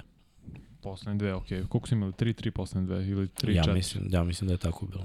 Svakako najbitnije kako će izgledati Justin, Justin Fields i njegov napredak. Ako on bude imao napredak na terenu, nevažno je za Bears da će imati pet pobjeda ili sedam u suštini. Pa dobro, sad su dobili malo, znaš. Spustili su se na draftu, jasno. odradili su neke trade. Mislim, samo što si dobio DJ Mura, to ti je 1000 yardi ako ga staviš u dobru situaciju. Imaju Munija za, za vertikalnu opciju. Kmet je iz, izrastao pro, ono, u posljednje dve godine kao tight end koji blokira i koji... Claypool i dalje tu. Da, Claypool, Mislim, njega su, njega su dobili, da. prošle godine. Sad Da, da. Ali dobro, na kraju prošle godine. Sad je tu od početka i... Tako je. Mislim, pritom igra trčanjem uvek sa ovakvim quarterbackom mora da, da računaš. Ima ovde ekipa koja ne brane vrhunski trčanje i za njih će ovo biti problem imati ovako quarterback. Nezgodno će biti stvarno sa timove kad vidiš, kad pogledaš napad Chicago Bears da je to skroz drugačije nego u poređenju s prošlom godinom. Još defensivna linija i, de, i odbrana generalno je sad mnogo iskusnije, pogotovo front seven je iskusniji. Secondary je mlađi jer su i draftovali u drugoj rundi ovog Stevensona cornerbacka pre Ali dve prošle godine. godine. su pogodili sa dva pika Tako naš, je, u sekundariju. ovog i kornera, tako da, znaš, sad su samo su doveli veterane na front sevenu i naravno dva brutalna linebackera koji će to biti ključni za njihovu odbranu, a podmladili secondary. Tako da mi sviđa mi se ta formula za Chicago Bears i ne treba ih pozeniti. Možda ne ove godine, možda treba godinu dana da se uđe u ritam, da bude kao ne znam, šest pobjeda, što je opet duplo više nego što su imali prethodnih godina, pa onda za dve, 2025, to je 2024. pardon, za dve sezone da budu ozbiljniji tim i da Fields, nadamo se za Chicago Bears i za njihove najveće, sazri u quarterbacka koji može da te povredi i dodavanjem i naravno nogama, pošto je umalo borio Lamarov rekord po broju istračanih yardi prošle godine. Tako da svi, bit će mi zanimljivo gledati Bears i, i razvijenje Fieldsa i tog napada sledeće godine. To je sledeće sezon zapravo ove godine. Možemo dalje? Može. Minnesota. Mm, Kad pogledam ovaj raspored na prvi pogled, ovo je baš teško. pazi, bili su prvaci divizije, bili su jaki kažem. prošle godine u generalnom čitavom NFC-u. Pali tu klimu srđa, ne. Aco, pomozi. Pa, znači... Imaš daljinski, brate, na stolu. Beli. Beli, žuto dugme, power, klimica, klik, pšu, miksa preživi. Imaju San Francisco 49ers, imaju Bengals, Chiefs, Chargers. Ne, ne, imaju sve teške ekipe, neće biti ovo šta lako. Eagles takođe. Ajde da nađemo ekipe koje oni mogu da dobiju. Caroline. Bears. Skinu Igraju dva puta s Bersima.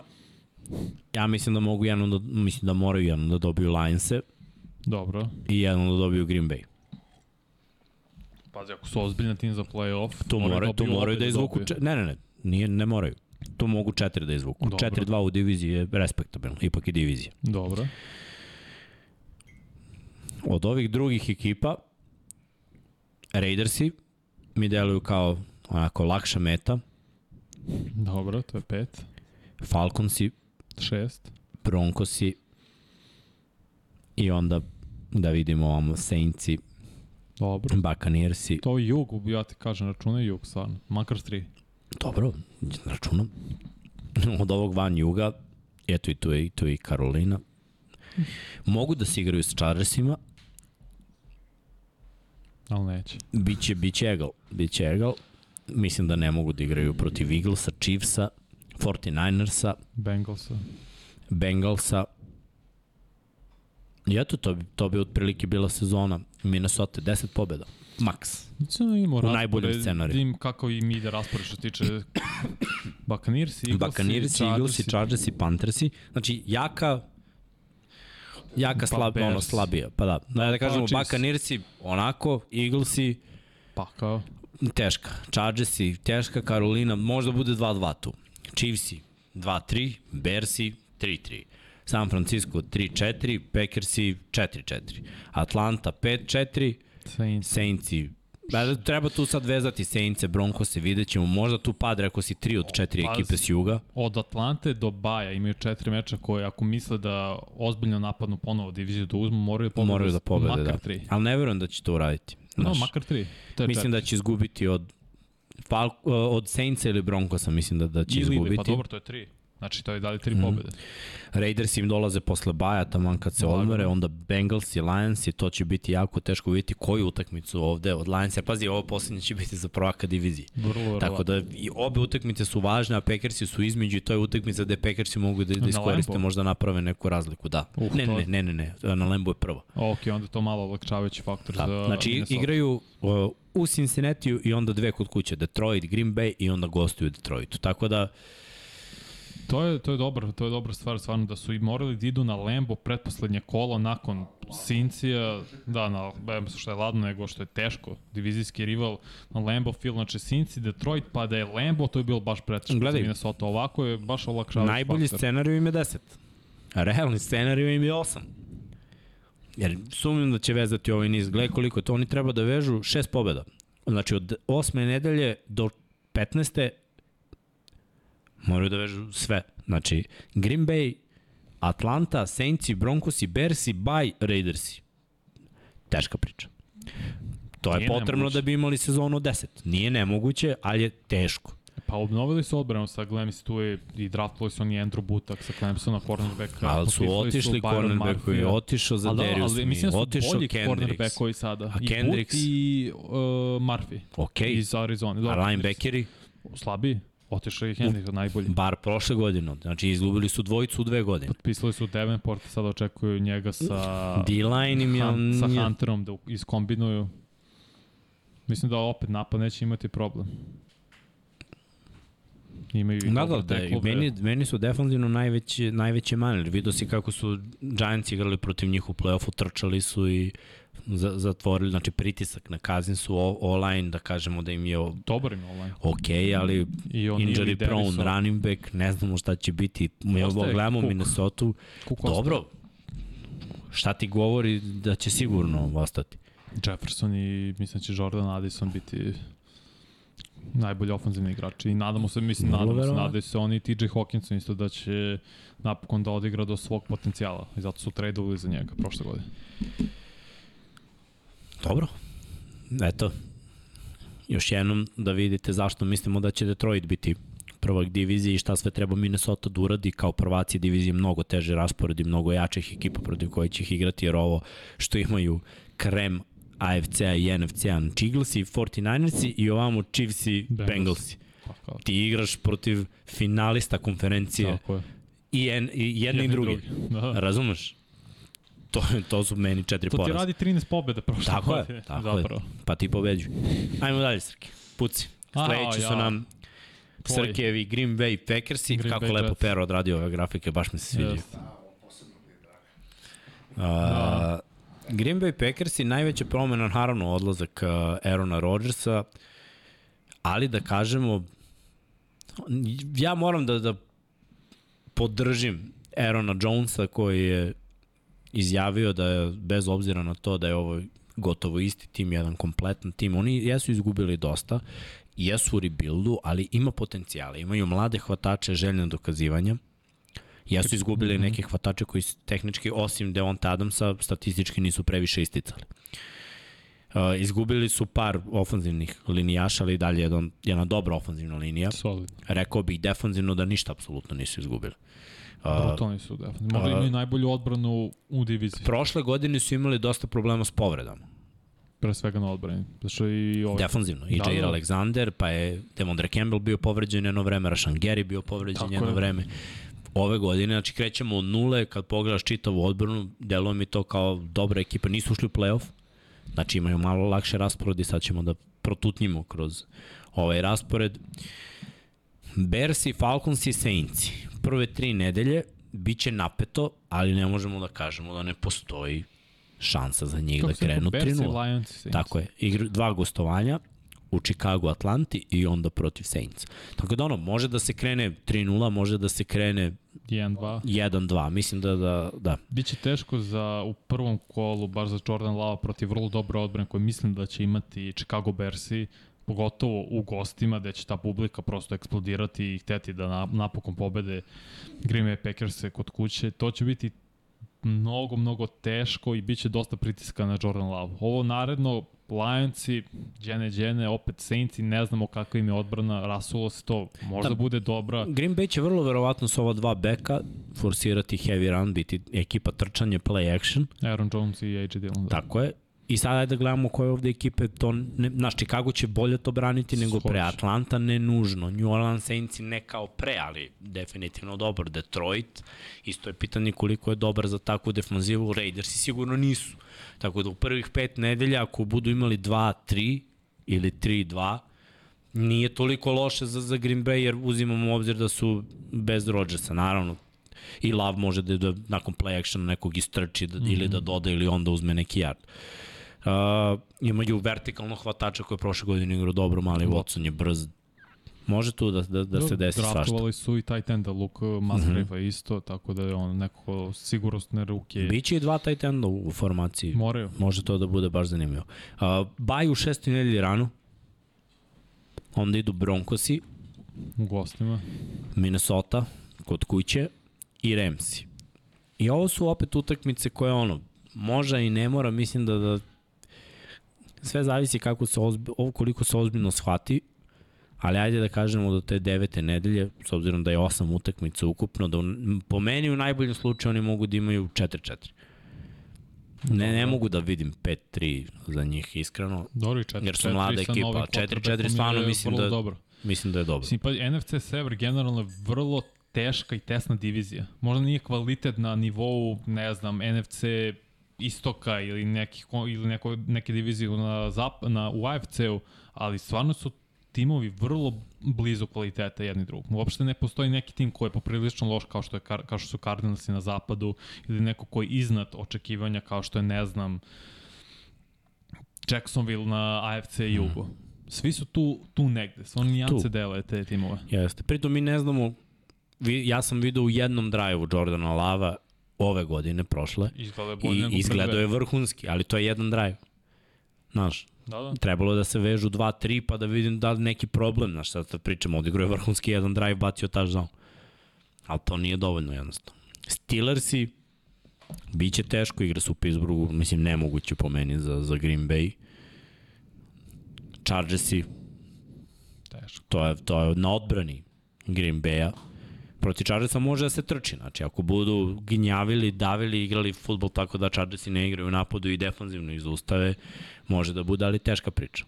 Detroit i isto. Znači moraš da trčiš protiv njih, da ne daš njihovom napadu da bude na terenu i moraš da ih zaustaviš njihov napad. Znači, opet, isti, isti scenario, ali jako teško to uraditi. Chiefsi. Znači oni ovde mogu da vežu četiri poraza u nizu. Onda dođu Giantsi, ajde da kažemo protiv njih, postoji način da se igra trčanjem i dobrom odbranom. Tampa Bay Buccaneersi, Carolina Ok. Panthersi, Minnesota Bears, eto tu je neka šansa da, da se nešto podeli. Ne znam, osam maksimalno. 7-8. Da, da, ja kako gledam sever, bit će to, da kažemo, Detroit 10, Minnesota 9-10, Green Bay 7-8 i Chicago 6-7. To je ono, otprilike, gore dole. Zato kažem, bit će to neizvesno i svako će gledati da ispuni svoje neke ciljeve. Chicago nije cilj da uđe sada u playoff, nego da Fields igra što bolje. Ni Green Bayu, verujem da nije nužno cilj playoff, već da vidimo da li Jordan Love može da igra poziciju quarterbacka na jednom dobrom nivou za početak, kao starter u koja je to godina sa četvrta. Da li može da bude start, start Pa gledaj. kalibar quarterbacka u, u NFL? Moramo da saznamo i, i ako se ovo desi, na primjer, da od 10. nedelje do 13. u te četiri utakmice vežu četiri poraza, da li mogu da promene razmišljanje, energiju i da vežu pet pobjede do kraja. Jer, pazi, i Detroit je bio u sličnoj situaciji, samo ajde Goff ima malo više iskustva, ali pazi, Giantsi, Buccaneersi, Panthersi, Minnesota i Bearsi. Pobedljivo se. Nije, nije nepobedivo. Znači ti u principu i možeš da napraviš neku seriju, bar četiri da izvučeš iz toga, ali pre toga ćeš igrati četiri gde će ekipe verovatno da te demorališu i pobede. Znači mora da budeš spreman da igraš 1-1, 2-2 ili mm -hmm. lupam pobeda, poraz, pobeda, poraz i onda da se spremiš da ćeš teško da pobediš par tekmi i onda da odgovoriš na to. Mlad quarterback, veliki pritisak. Baš, baš želim da vidimo šta ima od Jordana Lava jer godinama je sedao iza, iza, iza Rodgersa, verovatno je nešto naučio, dobar im je sistem, uh, imaju dobrog trenera, imaju dobre bekove, imaju dobar online, mislim da imaju vrhunsku odbranu. Eto, pa da vidimo. Biće zanimljivo. Ajmo dalje, Srđan, ajmo. Srke pušta dalje, dalje su Philadelphia Eaglesi. Idemo na istok. Istok NFC-a. E, sada... Nije promenio za Eagles, viš, baš mi se zbunilo ovo. Hm? Špero nije promenio za Eagles, baš mi se Pa ne, to, to je kako je bilo od od pre. Da, da, znam da, ne, mislim da smo Ali to smo već pričali, tako da ja samo ćemo još jednom da konstatujemo ovo zato što smo imali na početku je bilo naši timovi. Grafike da, da, da. za naše timove su bile ovakve. Eaglesi, mislim, mi ih vidimo kao prvi tim u NFC-u, imaju kompletan tim, malo su izgubili, ali iskreno kad pogledaš ovo imaće oni teške utakmice, ali NFC nije toliko dobar. Evo sad smo ispričali ovde o dve divizije smo prošli gde jednoj šampionu dajemo maks 10 pobjeda, drugom šampionu dajemo maks 10 isto, Detroitu kao maks maks. A ovamo smo dali maksimum Saintsima. Pa u najboljem slučaju. Znači, ali ajde da kažemo da je to između 8 i 10. Dobro. Fila će imati 10. Pa Fila će imati 12-13. Znam, nego, kažem, razumem, znači, Kapiram, kapiram. Dve divizije smo već otpisali, verovatno da samo prvaci idu u, u playoff. Ili da je u stvari wild card sa Sever 2. Devet pobjeda. Tako da Fila ima jako jako dobru priču, pritom ćemo videti ovaj reprizu Superbola u 11. nedelji. Patriots i Vikings i Buccaneers i Commanders i Rams i Jets i Dolphins i Commanders i Cowboys i Chiefs i Bills i 49ers i Cowboys i Seahawks i Giants i Cardinals i Giants. Vrlo lako da, da, da Fila može ovde da izvuče 12-icu. Iznenadit ih neko sigurno, nije, nije Fila toliko dominantna ekipa, ali prilično je dominantna. Da. Tako da, eto, idemo dalje, sve gde smo pričali o ovome, nema potreba se zadržavamo previše. Cowboys. Ajde da vidimo kako može da parira divizija. Dobro. To je u stvari prava priča. Cowboysi su prošle godine ušli u play-off. Ali eto, godinama nešto... Cowboysi... Ti su i prošle godine imali 12 pobjeda. Dve godine za redom Pa da, pa bila, ne, bila je neverovatno dobra divizija, to se neće ponoviti. Divizija je bila najdominantnija u NFL-u. Jeste, svi su bili... Mislim da je, da je teško da, da bude baš toliko dobra. Ali ajde, Giantsi... Znaš šta ide u ruku i ostalim timovima ne računajući Filu. Zato što niko nije osvojio diviziju dve godine za redom u 2004. Sva, svake godine se menja. Mm. Tako da Fila isto ima težak zadatak da napokon to izvede. Ali lepo, lepo otvaraju Cowboys sa Giantsima. Ali ono druga nedelja, Jetsi. Kod kuće. Gde Rodgers posjeduje Jerry World. Ma gde god, ne, to je teško baš. Onda -hmm. Cardinals i Patriots i tu mogu da vidim pobede. 49 nema šans. Previše su fizikalni. 3-2. Pritom ne znamo situaciju u backfieldu. Zika nisu vratili. Teška je priča. Baš je teška priča za, za, za da li ne znaš, ne znam ko će trči, ko će trči od prve nedelje. Treba i Tony Pollard. On je povređen, brat. Neće brat, se... Pa... Na trening, a mislim, na OTA sam je bio. Trenirao je. Da li će biti spreman do prve nedelje, ne znam, ali trenirao. Pazi koje odbrane ga čekaju, brat.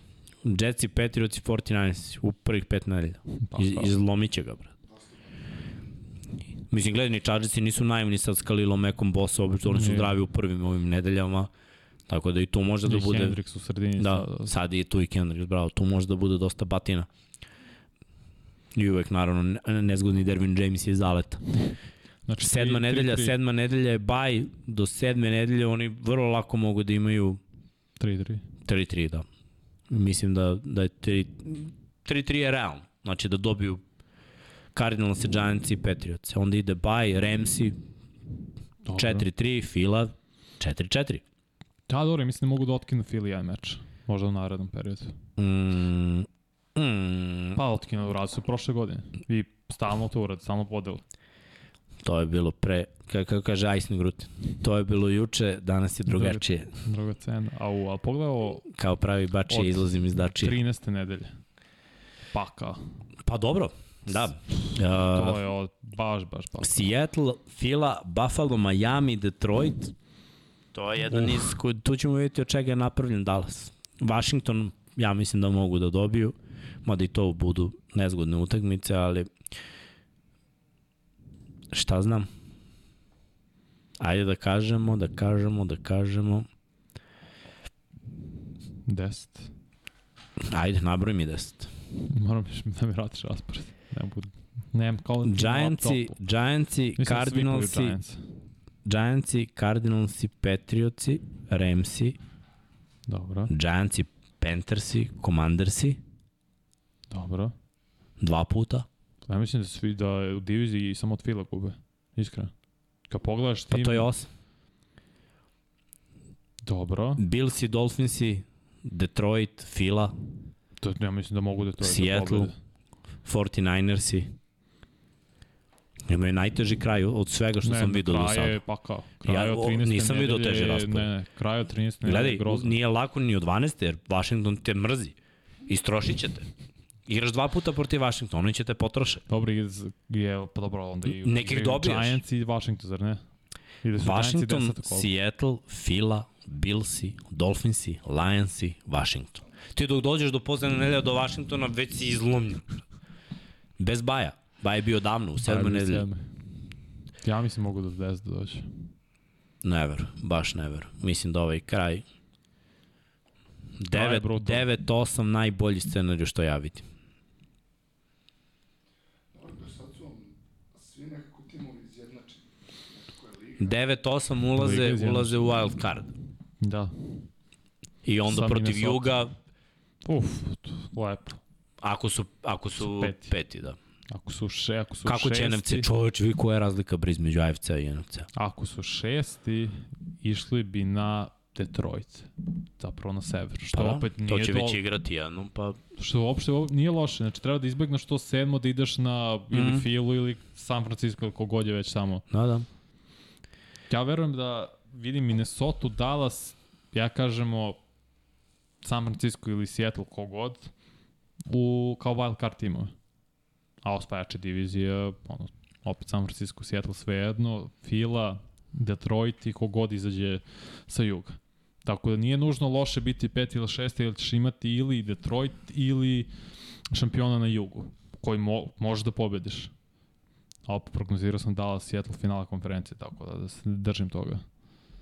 Ali težak raspored za Dallas, to je stvarno tih šest nedelje, bit će pakleno. Ne znam koliko pobjeda mogu da izvuku u tom momentu. I sreće pa, možda da vratim protiv koga igraju kod kuće. Uh, uh, uh, Kod kuće prvo sa Jetsima, posle toga od- pet, u, u tim, ovo ne, poslednje? Ovo poslednje, to, to poslednje. Washington, Seattle, Fila, Sve kod kuće. Detroit. Dobro.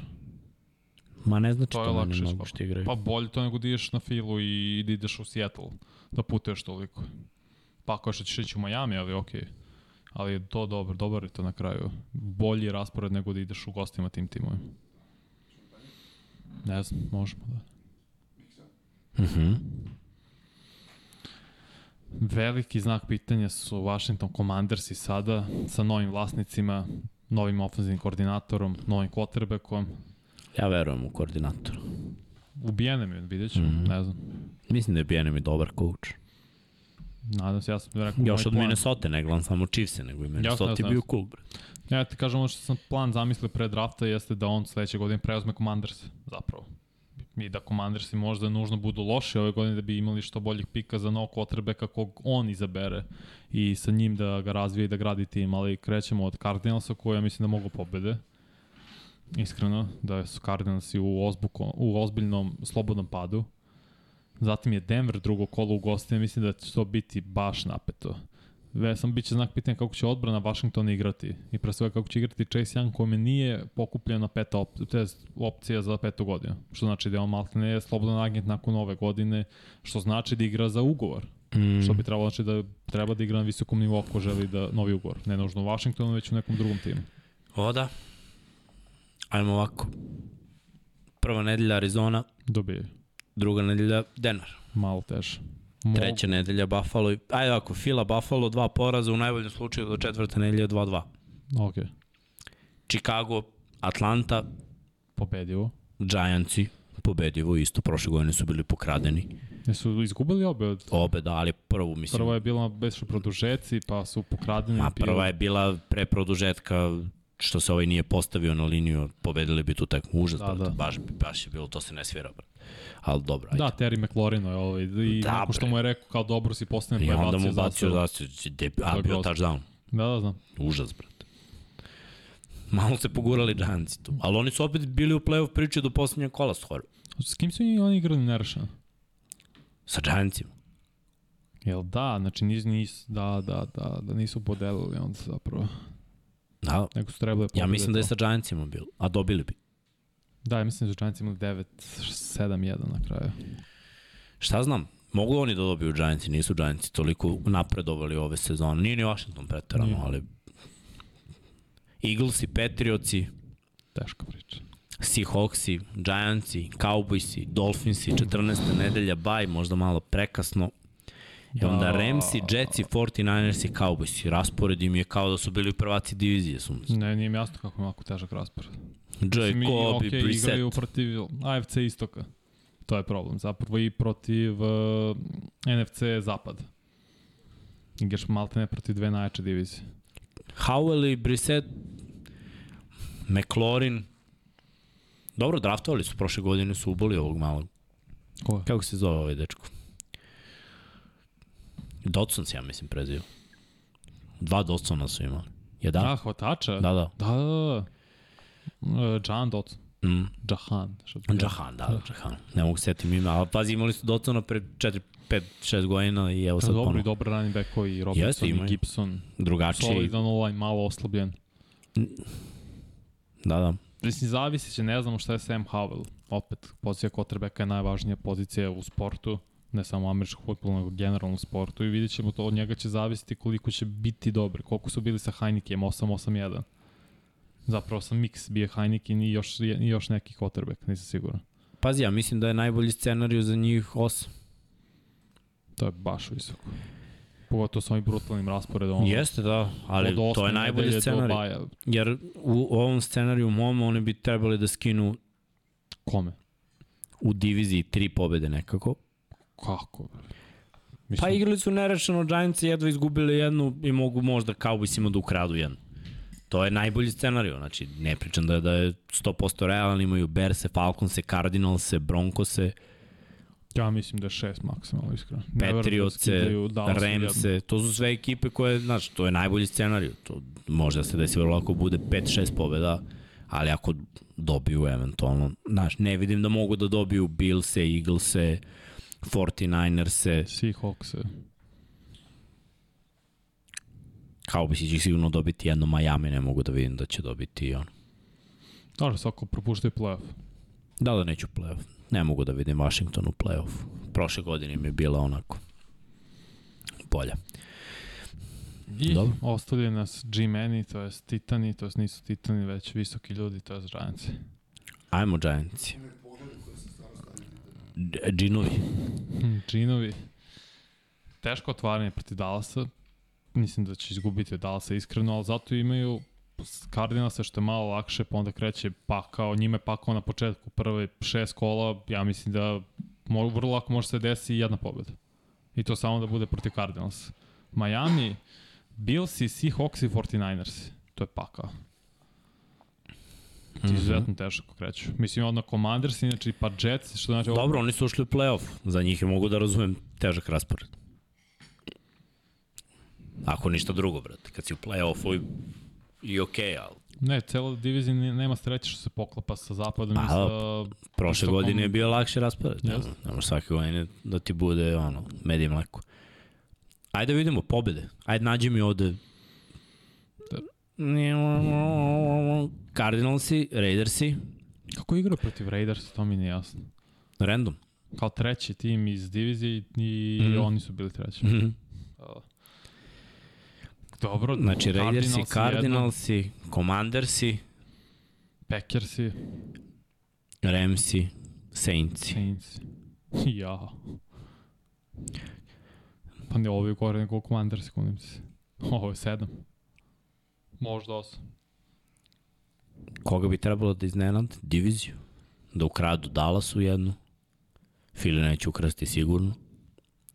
Da probaju da nekome Seahawksima možda ispariraju. Patriotsima. Hmm. Imaju oni nešto protiv Patriota. Ne znam kako bi to nazvao, ali peti ti Lea fakt. Manninga. Duh Hila, a?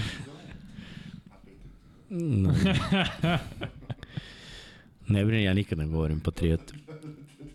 Ali ako budete od mene čuli Patriote, onda očekujte i kauboje, kardinale, morske izvini. Kako bi Bills, Bizone?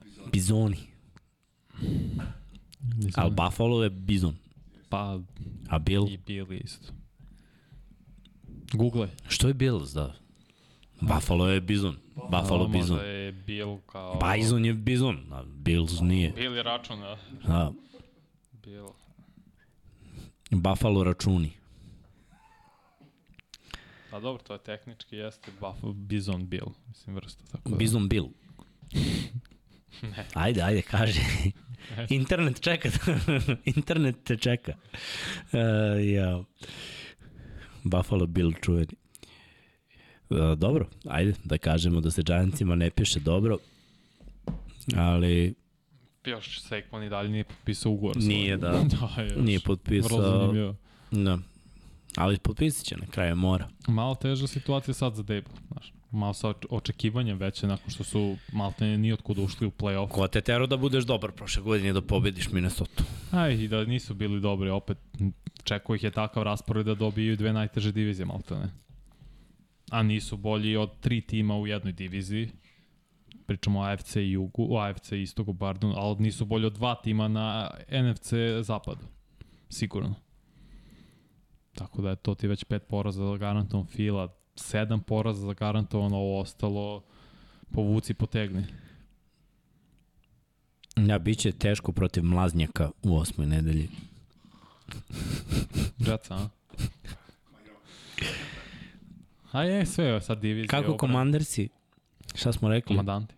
Komandanti. Evo možemo na brzinu po svim divizijama, hoćeš da prevedemo. Ne moram.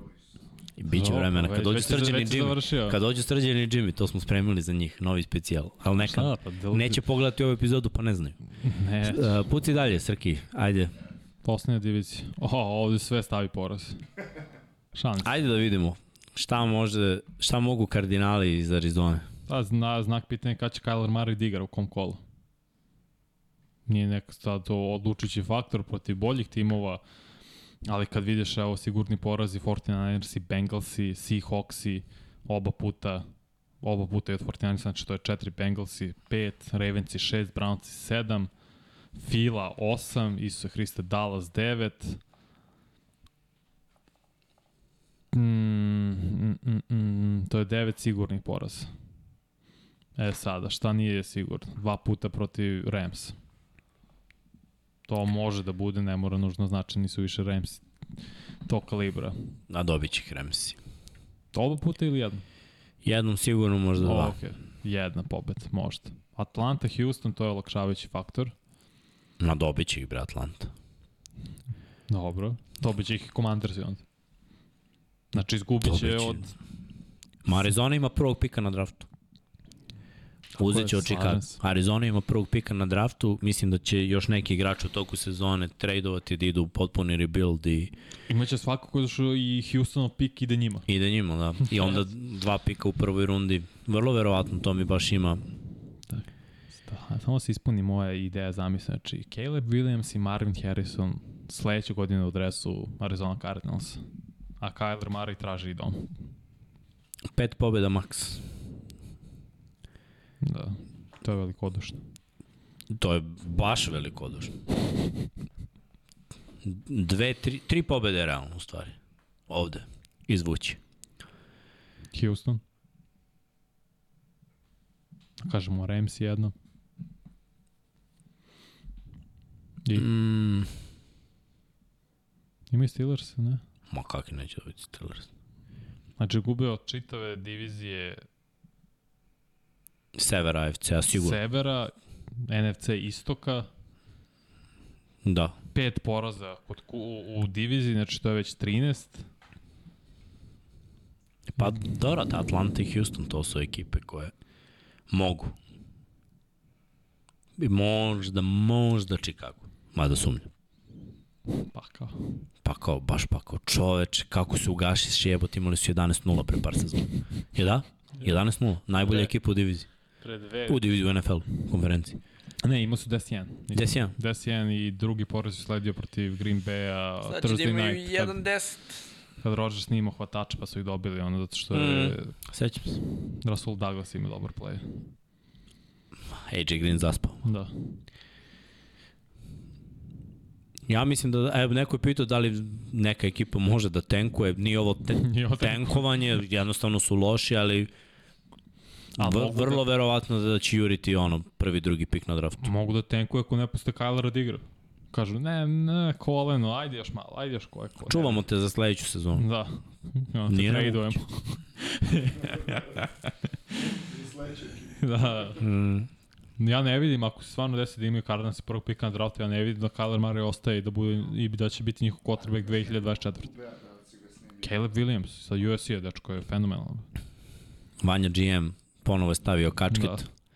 i spremio se da spase franšizu Cardinals. Arizona Cardinalsa. Ujedno da će se- predvoditi i Phoenix Sunse Da. sa istim kačketom. ja sam tu već ga, u blizini sam. Dva posla čovek radi. Dobro. Treba, treba Cardinals ima novi GM svakako, tako da. Gde, da, gde da se prijavim? Hajmo sve dalje, ne, ne mogu da gledam ovo više. No, ovdje je inače malo bolje ovo. Što sad Spasi vidio. me, spasi me da ne gledam. Bolji su Remsi, ne diraj mi Remsa. Zovem Stena Kronkija da mu kažem sjajan posao si odradio s Nagicima, sad je vreme ponovo malo da se vratiš na Remsa.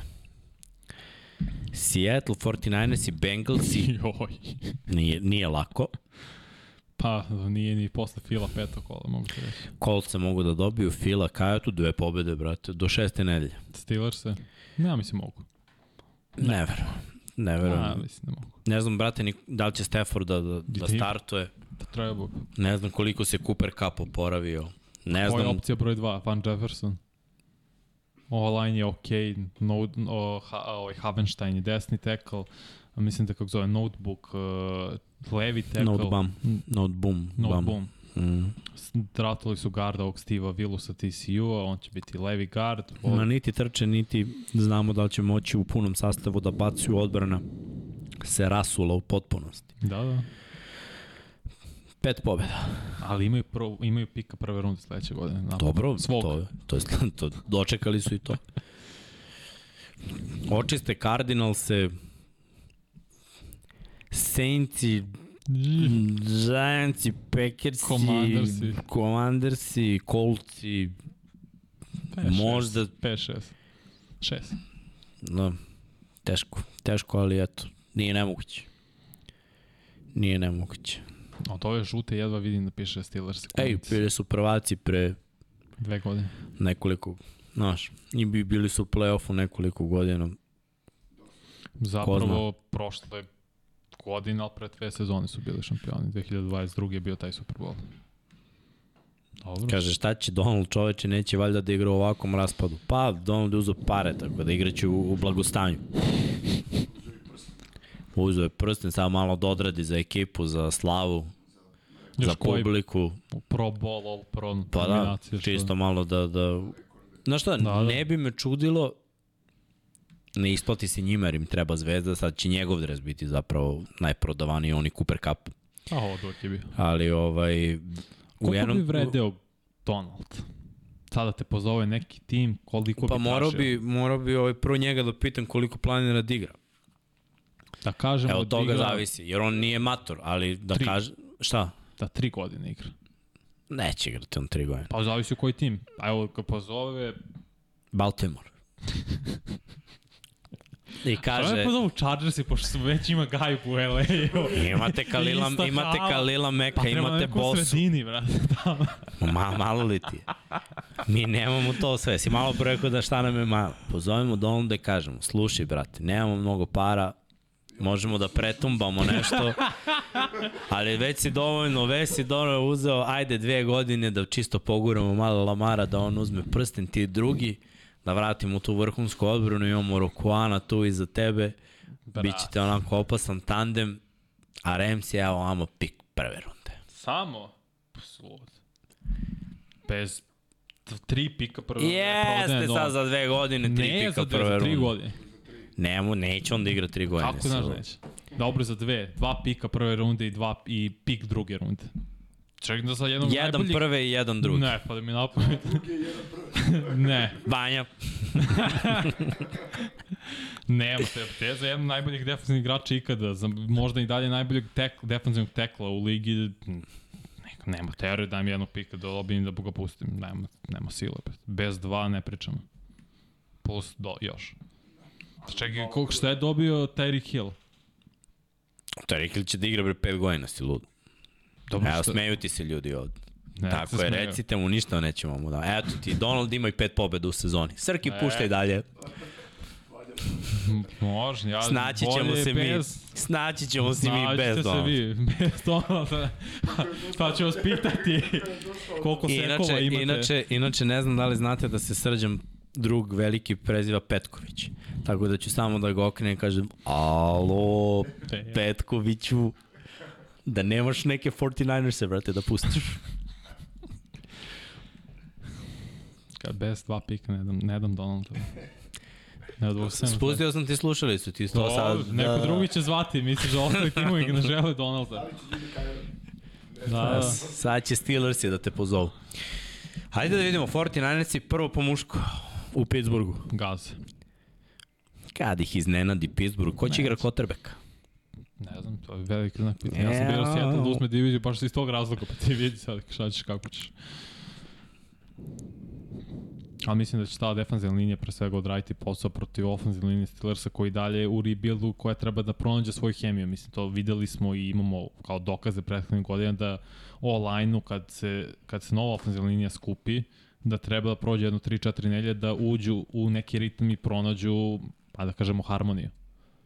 A defensivna linija se brže sklapa i, i pogotovo ova defensivna linija, ovaj front 7 49ersa je brutalan sa brutalnim linebackerima, brutalnim defensivnim linijašima, doveli su Hargreva iz iz uh, 49ers, iz, pardon, iz Eaglesa, kombinuj to sa Nick Bossom, Armsteadom, Kinlom, to je baš, baš bruk.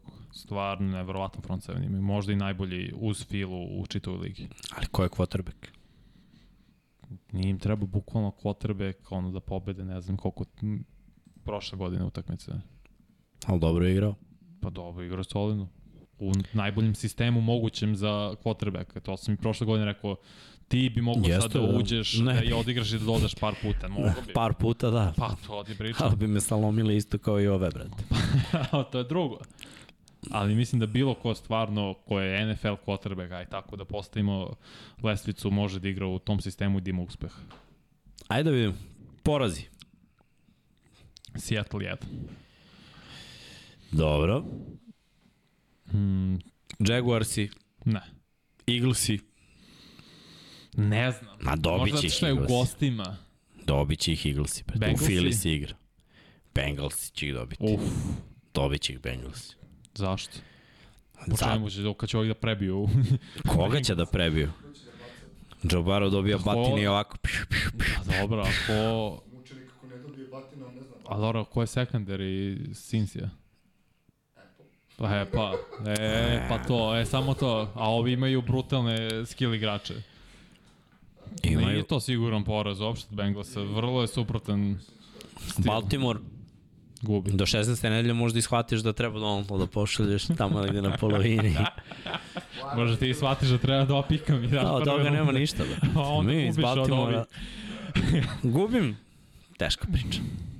Mi volimo taj povetarac sa Pacifika. Evo, samo te ide, pritisni dugme, se ne ugasi slika. Hvala. Pojači sam. Eto. I sad se glasnije čujem, ali ne, ne znam. Teško mislim, za opet ne znam ko je quarterback. Da je znam ko je quarterback, da imaju dobro quarterback, mislim da bi imali 14 pobjeda, iskreno. Mm. Ali pošto su u jednom momentu prošle godine imali 3-4 pa su završili sa 13-4 i, i možda imali šansu za prvi mesto u konferenciji, zašto misliš da, bi sad, da će sad biti drugačije? Toliko. Pa mislim da neće od početka krenuti da igra Pardi, jer ne može. Ne znam. Mislim da, da je Ja jako Sam teško. Darnold odigra doktorski prve 3-4 kola na dobro, sistemu. Nije da se nije desilo pre, pa ali do, do dve, tri utakmice i vrati sam vrlo brzo na ono staro. Ovo je, Lens bi trebalo da dobije šansu, ako on dobije šansu, ne znam, ne znam, mislim, vidio sam ga na dve utakmice i povredio se i nije bio dobar Jedna toliko. utakmica je bila po onoj kiši u Da, Čikagu gde nije moglo se igra, stvarno je bilo odvratno. Ne znam, mislim da je to u stvari njihova najveća, najveća Jeste. mana, zapravo. Da bi ima- imali neki vrhunski Na rezultat. papiru oni imaju Ali ima, ima ovde, najbolji roster. ima ovde mis mečeva koje oni mogu da, da reše, mislim. Ali imaju utakmice koje mogu da izgube. Ok, ajde da krenemo. Ajde, Steelers pobeđuju. gube. Rekao si ovo je najbolji best case scenario, znači. Pa prva nedelja, šok, u Pittsburghu. Žuti se sve, bivši Heinz Field. Kako se zove? Ne znam, verovatno Sam Field. Ma da, Da, za mene je to Heinz Field. isto. Ramsi dobijaju, Giantsi dobijaju, Cardinalsi dobijaju, Da. Cowboysi. E, to već mogu se okliznu, to će biti zanimljivo. Browns se, preći izgubiti od Brownsa nego od Steelers, evo potpisujem ti sada. dobro. 4-2. Uh, Vikingsi, Biju ih. Bengalsi, Ja mislim poveđu Bengals. ja mislim da neće. Dobro, ajde. Deveta 5-3. nedelja. Pet. Jacksonville, Dobiju. Tampa, 7-3. Seahawksi, kod, u Sijetlu, Jedan- u Sijetlu. 1-2. U, ove, u naredne tri partije. Ma dobit će ih obe. Ja mislim neće. Kao prošle godine. Never. Fila gube. Cardinals se dobijaju. Ravens i Commanders i Ramsi vrlo verovatno da, da mogu da dobiju sve tri, a možda im samo Baltimore skine scalp, ali mislim nekako mi je 10-11 mi je za San Francisco samo zbog quarterbacka. Jer ne znam ko je, jer će se menjati sigurno u toku sezone. Kogod da neće biti jedan od prve do posljednje nedelje. Promenit će se. Neko će se povrediti i menjat će quarterback. I u tim promenama bit, bit će problema, ali ulaze u playoff vrlo verovatno kao prvaci divizije, jer će očistiti Seattle zbog toga. Ja mislim da neće očistiti Sjetla, će podeliti da će to biti razlog zašto ulaze kao drugi. Prošle godine su ih razbili u obe utakmice u play-offu je bilo bliže, ali nedovoljno. Op, to je prošle godine. Ja mislim da Seattle bolji tim ove godine. I kompletniji. Ti dali a, razliku između poraza i pobjeda veću od 3 o- osim Kansas. Pa dobro. I Philly smo dali isto. Fili smo Zašto da, najbolji timovi? S razlogom. San Francisco mislim da je 11-6. Pa sumnjamo, sumnjamo. Ne Mislim znam, da je 11-6. Sam, zašto samo zbog pozicije quarterbacka? Da znam da je dobar quarterback, ne mora ni odličan bude, znači ne mora koliko top imali 10. prošle godine? 13-4. Prošle godine su baš I ovdje. da su imali seriju od 10 Da, da, da, kad je da, došao nema šanse to da se, nema šanse to da se ponovi. Iako imaju pretalentovan, tim. mislim da je scouting sada, nakon ovog što je Phil uradila, scouting ti je bukvalno ono, radi to. Tu si quarterback. Baš me zanima, da Pard ima tu neku smelost da budu u džepu i to se uklapa, Darnold se plaši, Trey beži s polja, a deluje mi da Pardi neće krenuti, ali ajde da vidimo, ko zna. Ko zna. Tim je vrhunski samo bilo je tu ovaj Iz tog razloga, kažem, Seattle uzima, opa, stvarno ću boriti šaš, uh, diviziju. Zato što imaju bolje quarterbacka u Gino Smithu. Mm, I i- ali slabiji tim, brate. Pa ne toliko slabiji tim. Ajde, Ajde. puti Srki tamo da vidimo. Ajde, uporedna, uporedna statistika. Lepo otvaraju. Bajem rano, ali prve četiri stvarno mogu pobedu. I pobedit će. Ramsi, Lions, Panthers i Giants. Ova- 4-0, a? Da. Ali vidi koliko je rano baj. Ba, ja ti sam rekao, ra, Baje mnogo rano, ali kad gledaš ceo tim Sjetla, obnovili su ofenzivnu liniju u, u dva drafta, imaju sada running backa napokon dvojka. Šta ako Gino čaukuje? Šta ako Pa, Gino... Da će Gino igrati kao na nivou prošle godine. A šta, to je jedini put u životu da igra na tom nivou. E, i Mnogo. još su draftovali Mnogo, hvatača, ali u, u kojim timovima? Timovima Jetsa. Dobro. Isti Mark Sanchez u tom timu uz Jetsa. Piš, piš, piš, piš, To je prebio taj tim Jetsa. Pa manje Gino više su došao ostali. malo kasnije. Na malo, ali slični igrači. Ne, ne možemo Gino Gino. Ne dostaje. ne, ne verujem u Gina, brate. Dok ne budem vidio dve sezone ovakve, ne, ne, neću. Dobro, Gino je trenutno najbolji quarterback u to diviziji verovati ili ne. Pa, nemamo šta verovo, ili ne. Arizona nema kvotrbeka, jer je ovaj mali kepavi povređen. I dobro, Stafford je 49ersi isto ne znam šta povređen. je, Stafford, Stafford je bolji kvotrbek. Ne prihvatam. Dobro, ja mislim da nije trenutno bolje. Zato što je povređen i ozbiljnije povrede ima nego Ajde, 4-0 im daješ pre baja. Bengalsi, gube. Cardinalsi, Dobiju 5-1. Brownsi, Napeto. Ali dobiju. Ravensi, Gube. 6-2. Washington, Dobije. Ramsi, Čiste. San Francisco, Dele. Cowboysi, Dobije. e, je sad sve dobijaju. Zapravo, pa šta? Fila, Gube.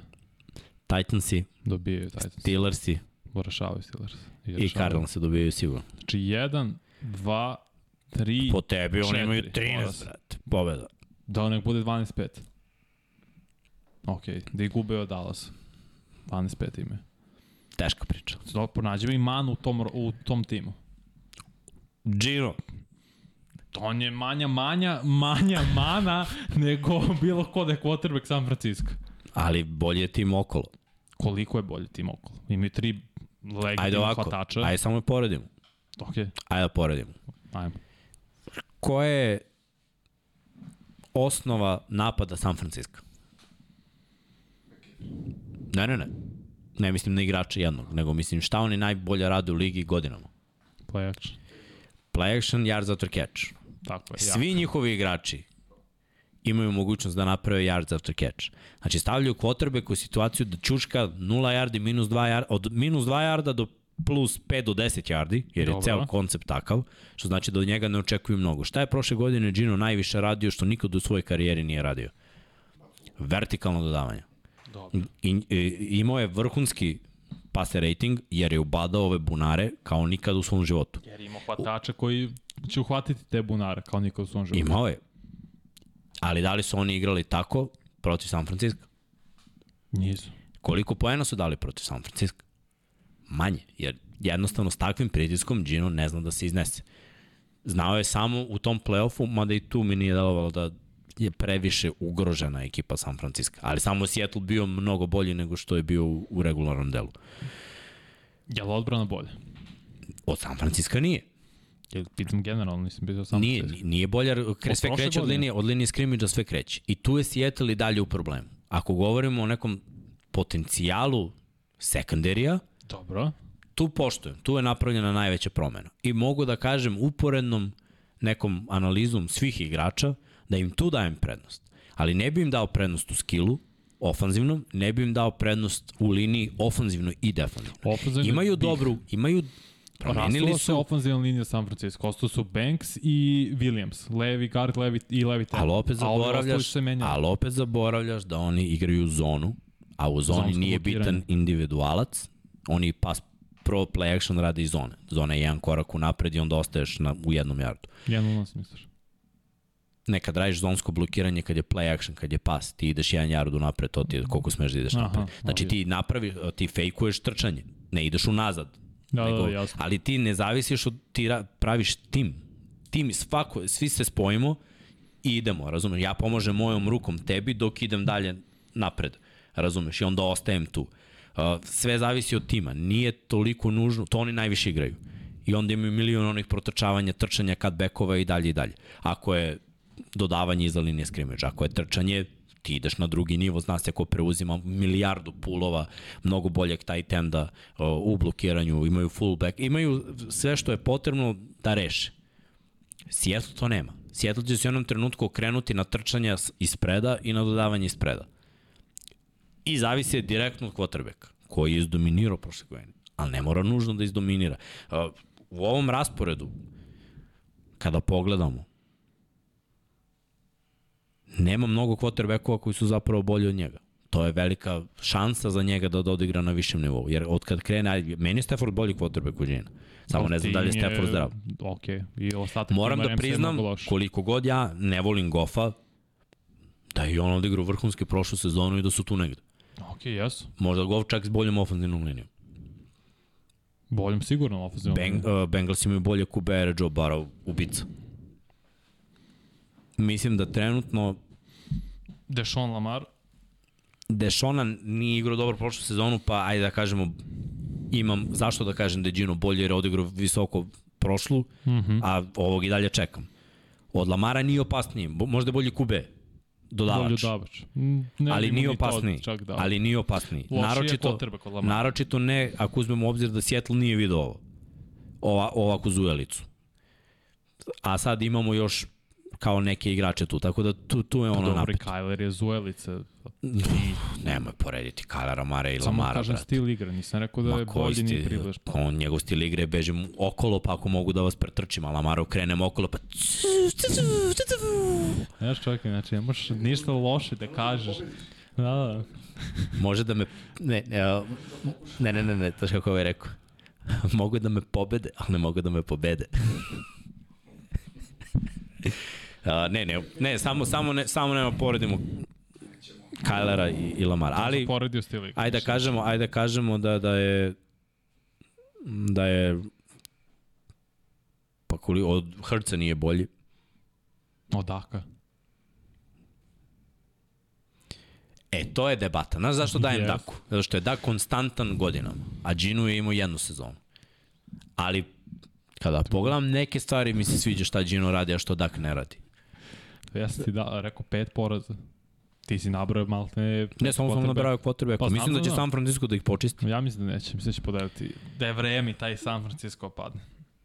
Da izgubi kod, ne, možda kod kuće, ne, ali samo... Ma, gledaj, evo, piše su Wyatt Philip i da se dobije Baltimore, nije, nije to, to toliki problem. Ja stvarno ne mogu da vidim da Seattle ima 13 pobjeda, 12, 12. pobjeda. Mislim da je to Da, preambiciozno.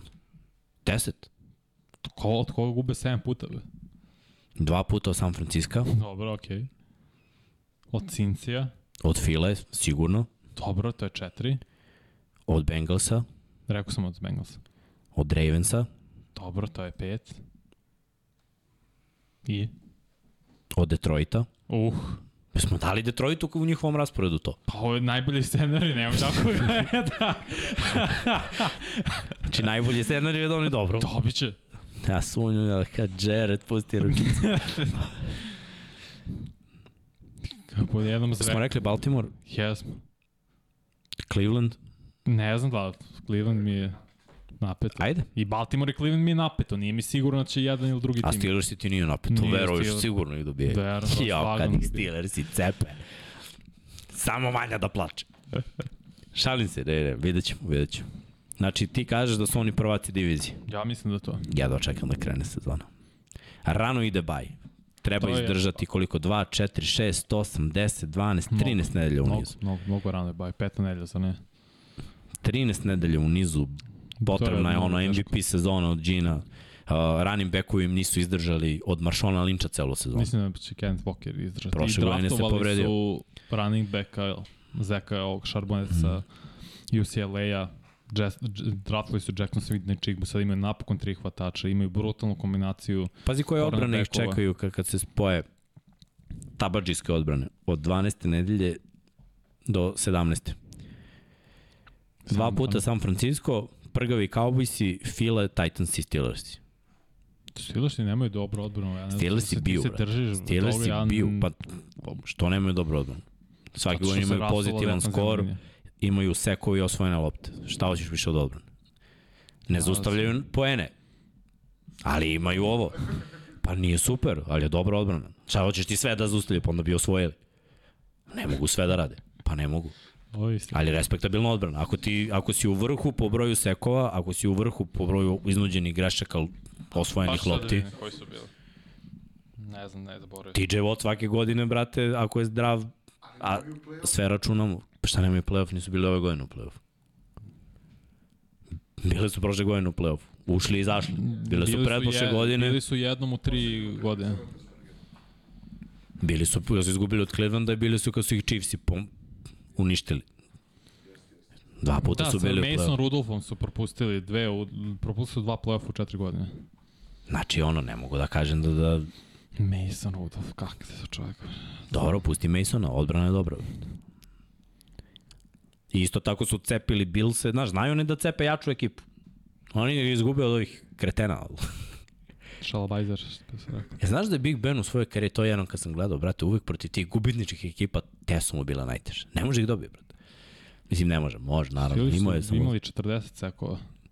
To je negde sredina. Ali, brate, samo je Fila prednjačila što su imali Ne, ne, 70, ali i ostale ekipe nisu, bili su ono, na Buffalo, 50. Miami, Chargers i 40 kao i Steelersi. Giantsi, Washington, San Francisco, Coltsi, Tampa, Seattle, Jetsi, Baltimore, tvoj Baltimore, koji nema sekove, Saintsi, Ima sekuje, brate, što sekuju linebackeri i defanzivni bekovi. Pa, Patriote, Dallas, Chiefs Houston su imali više. Povampirani Mm, 40 dva, godina. tri, četiri, Matori ga iskidao. sedam, osam, devet, 10, 11, 12, 13, 14, 5, tačno su Da, u sredini da, da. zakucani. To nije loše. Što je prosječan. Pritom, TJ Watt nije bio zdrav. Dve godine već nije ono, A prošle godine bio, zar nije bio defensivni igrač godine? a propustio je, Šta je prostio jednu utakmicu? mislim da je dve. Uf, Pa ne, ne, jednu nije igrao od početka do kraja, a drugu se povredio na Mislim da je početku. Jedno, da, da, mislim da je jedno. Računa se da je igrao, ali povredio se vrlo Da, brzo. Da, da, okej, okej, pošto je. Da nije, zamisli koliko bi sekova imao. I dalje je tu, mislim. Biće zanimljivo. 23 oduzete lopte su imali, što je... TJ nije igrao šest kola prošle godine. Ko je bio defensivni igrač prošle godine? Prošle godine Bosa. Nick A Boss. TJ Watt je bio opet dve godine. Ali da. opet nije igrao ni tad Ja se izvinjam. sve. Mešam ih. Jer o, opet Steelersi po ukradenim loptama u proseku, u sredini. Zakucani. Dobro, pazi, igram je Mitch Trubisky, brate, i mi smo samo Baltimore imamo tri interceptiona protiv Trubisky. Pa žao mi, brate. Gledam utakmicu i smejem se. Gledam utakmicu i smejem se. Rekao, ako Mitch igra, mi dobijamo ovo. I evo ga, Mitch dovodi ekipu do 20 yardi. I ja gledam, rekao, pa rokovanje u sredini. Prvi interception. To, to nema veze sa odbranom. Patrick Quinn je ovo. Pa kako ne, pa dali bi neke pojene. On ih je uništio tri puta u crvenoj zoni Kako to veze ima sa oduzetim loptama odbrane? Pa odbrana je radila posao, brate, Pa to u proseku. u proseku. Vanja baš veruje u Gina Rugina. Dobro, mislim da smo završili sa... Nismo, imamo još nekog. Nemam nikog. Sve smo prošli. Sve smo prošli. Sve Ajde, putite ljudi neka pitanja pa da Srki ide da se druži. Kaže, Von Miller gleda da bude spreman za prvo kolo. Pa i bit će. Pa rekao pre nelju dana, pre dve nelje, rekao će biti spreman za šesto. Pa je to malo, pet nedelja, Poja- malo im je to mnogo, bre. Pojačao je ishranu. Poveće možda PADs, pa. Tunjev, tunjevina i omlet. Čuda prave. Uh, Steelers ove godine imaju više od Seattle pobjeda, mogu ruku da dam. Nemoj Marko, nemoj Marko da ruku da dam. Ja sam rekao da će možda da ih iznenade, ali ne, ne da budu bolji. Seattle, uh, Pittsburgh teško da će uđi u playoff ove godine. Teška priča će biti. Mnogo je, mnogo je jaka istočna divizija AFC-a. Da, Pamtit ćemo ovo, Marko. no, pa ne, ja samo kažem realno, ali opet će ima, ja opet vidim 9-8 njima. Oni su zakucani na 9-8, Ja samo to 8-9. mislim da nije dovoljno da se uđe u playoff. Ali da Seattle ima 13, to bi baš bilo muški. Svaka čast. 12. 12-5. Dobro, i dva, pazi, ko, I to samo zato što će podeliti i šta biće drugi seed u NFC-u, iza File. Da. Kogod, je u, kogod bude prvi na zapadu, bit će drugi City iza File. Da li to San Francisco ili Seattle, to vidjet ćemo od match-upa, to je zapravo u međusobnom duelu njih, te dve ekipe. Ako podele, bit će Seattle, ako San Francisco su i poje, bit će San Francisco, a Seattle onda peti. Kako objašnjavate ovoliku razliku u kvalitetu između NFC-a i AFC-a? Pa ajde krenemo ovako, najbolji quarterback koji igraju u AFC-u. Draftovali su i tako, poklopilo se da ti da I veterani su prelazili. Jesu. Ko je? Rodgers, Rodgers. Wilson, Da, Russell Wilson isto. prelazili su dobri veterani, Tako je. ovamo Jalen Hurts kao mlađi, mislim svi ovi quarterbackovi drugi, mi, mi smo ono, sad možemo da projektujemo Kirka Kazinca, Dereka Kara, uh, Jareda Goffa, Gina Smitha, Daka Prescotta kao quarterbackove koji su tu u NFC-u. Top 5. Ali ne mogu, ja mislim da se samo uzmeš i, i uporediš ovo što je u AFC-u odrađeno u tom rebuildu i mislim poređaj kako hoćeš. Loše su Ali aj draftovali. krenemo, da krenemo samo od, od Mahomesa, od Burrowa, od Alena, od Herberta, Lamara, La Lorenza, i dodaj, sedam i već. dodaj sada Rodgersa i dodaj Wilsona 9. Baka. Watson 10. pa samo Jug zapravo Ju, Ima problema jer je malo, sad da. draftovao dva, dvojicu mladih. tako je. To, I to ćemo tek da vidimo- šta će da bude. Tennessee sa Patriote, Tannehillom, Mac Jones, isto znak pitanja.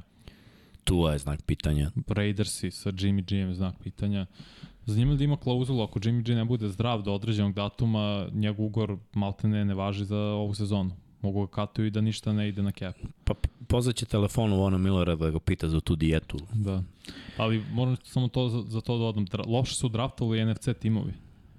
Ti kad pogledaš, ok, Kyler Murray, mislim je dobar quarterback, ali je sad i povređen i nije elit, nije top 10 quarterback. Zatim San Francisco nikad ne može da ubode da quarterback kada draftuju. Pa sada ono, uzimaju maltene pikove iz kasnih runda pa prave od njih quarterbackove. Seattle kao Gino Smith, otišli, imali su Russell Wilson, ok. San, Fran, ovaj, San Francisco Fort, uh, Ramsi su imali Goffa koji je kod njih bio par godina, to je jedne godine vrh, sledeće dobar, pa onda loš, pa su tra, tradeovali za Stafforda, sad je Goff u Detroitu, vidjet ćemo šta je Lav, veliki znak pitanja, Kaznic je konstantno dobar, Justin Fields ne znamo šta je, na jugu kad pogledaš, Isuse Hriste, bo, ne znamo šta je Desmond Reader, ne znamo da li će Bryce Young da uspe, Mhm. iskreno, Baker. Tam, Baker, to je već Pa Derek Carr je najbolji kube Tako je. na papiru. Najviše ima u svojoj karijeri. Da, istok, San Francisco, ovaj sad opet, Washington, ne znamo šta je Danny Dimes, mene nije kupio prošle godine, mislim da mu je servirao maltene na kašičicu Dable i minimalno i broj dodavanja imao, pa imao neki uspeh, Dak isto je gore dole konstantno, Hurts je pokazao i bio blizu MVP nagrada, tako da je on najbolji de facto quarterback, a da je u AFC-u bio bi osmi najbolji quarterback. Iskreno. Nije bolje od ovih sedmorice što sam nabrao. Mm. Eto, to je razlika. Koga očekujete da iskuči nakon loše sezone kao prošle godine Giantsi? To je dobro pitanje. A šta je loša sezona? Giantsi, mislim, Nisu imali playoff, imali su visokog pika, petog pika na draftu su imali. Ti Budo su birali. Ne, ne, ti Budo su birali kao petog, a Nila čini mi se ja ću da kažem sedmog. Detroit. I to će da iskoči još više, jer smatram da mogu da osvoje diviziju, nisu ušli u playoff, imali su možda veći broj pobjeda u odnosu na Giantse godinu pre Mhm. play-offa, ali ovaj, imali su vis, opet pika gore, Dobro. 12. sklopili su roster, mislim. Ja ću reći Cleveland. Mislim da će bar onda Cleveland možda iznedi da uđe u playoff. Zanimljivo. Ne mogu da kažem da ne vidim. I neko je napisao ovde da očekuje 3-3 na severu AFC-a. Sasvim očekivano. To je trenutno stanje već neko vreme. Da, da, ne, nema, tu se ne, jedne godine je bio Baltimore počistio to, ne, kad su bili Lamar. najbolji, i nije ni počistio, u stvari Cleveland ih dobio u prvoj, u drugoj nedelji. MVP sezona Lamara. Da, da, Cle- 2-2 su krenuli. I onda su dobili 11 od 12. Imali Bolest. su 13 da, bolesno. Ali to je bila jedina godina, ali Cleveland je bio u problemu u toj sledećoj utakmici Steelers su rešili, a Bengalsi su bili u ozbiljnoj u ozbiljnom problemu. Znači, a to sad nema šansa da se desi. Koji tim vam je na papiru najbolji, sveobuhvatno i QB, i online, i skill, i odbrana, pa 49ers. O, izvini. Fila. Fila, to ste to kažem. Fila, zato što online je Br. Hajde ovako da uzmemo koje grupe su top 5. D-line je top 5, O-line je top 5, skill pozicije su top 5. Zato što imaju, i sistem im odgovara da skill bude top 5, jer u skill ćemo da ubrojimo defanzivne bekove, tako to ide, kad se odvaja na treningu ko će radi kondiciju, oni odvoje O-line, D-line, linebackere, running back i skill. Skill! I onda spoje defanzivne bekove, hvatači uglavnom i trkači se. To a quarterback Blay sa strane dodaje. Ali njih ćemo isto gurnuti u skill, jer imaju trkača Poziciji na, na poziciji quarterbacka koji je takođe jako dobar. Ali po pozicijama se držam, koja im je najslabija grupa? Ja mislim da su safety. Philly, linebackeri. Ja, I safety isto. Da, bravo. Linebacker i safety. Mada opet safety, mislim, Nolan Smith je tehnički linebacker kao i Hassan Reddick. Oni samo igraju edge, mislim, igraju outside linebackere. Mm. Middle im je sad znak pitanja, ali i safety takođe. Svakom nešto mora da fali. Mislim, posle njih, rekao bih, najkompletniji tim da su Chiefs. Imaju skill. Uh, napravili su rebuild. To je sve, znaš šta, na, na osnovu prošlogodišnjeg Sistema. uzorka i sistema, tako je. Znači imaju quarterbacka koji pravi razliku, imaju dobar tandem, imaju dobar skill, znači lete im hvatači, ne možemo da kažemo da su loši. čekam da im Justin Ross, uh, Uh, da. mislim da će... imaju, to- imaju solidan online, zamenili su ponovo na dobar način uh, Orlanda Browna. No, Ja Mislim top da, 5 online? Ja bih rekao da nije.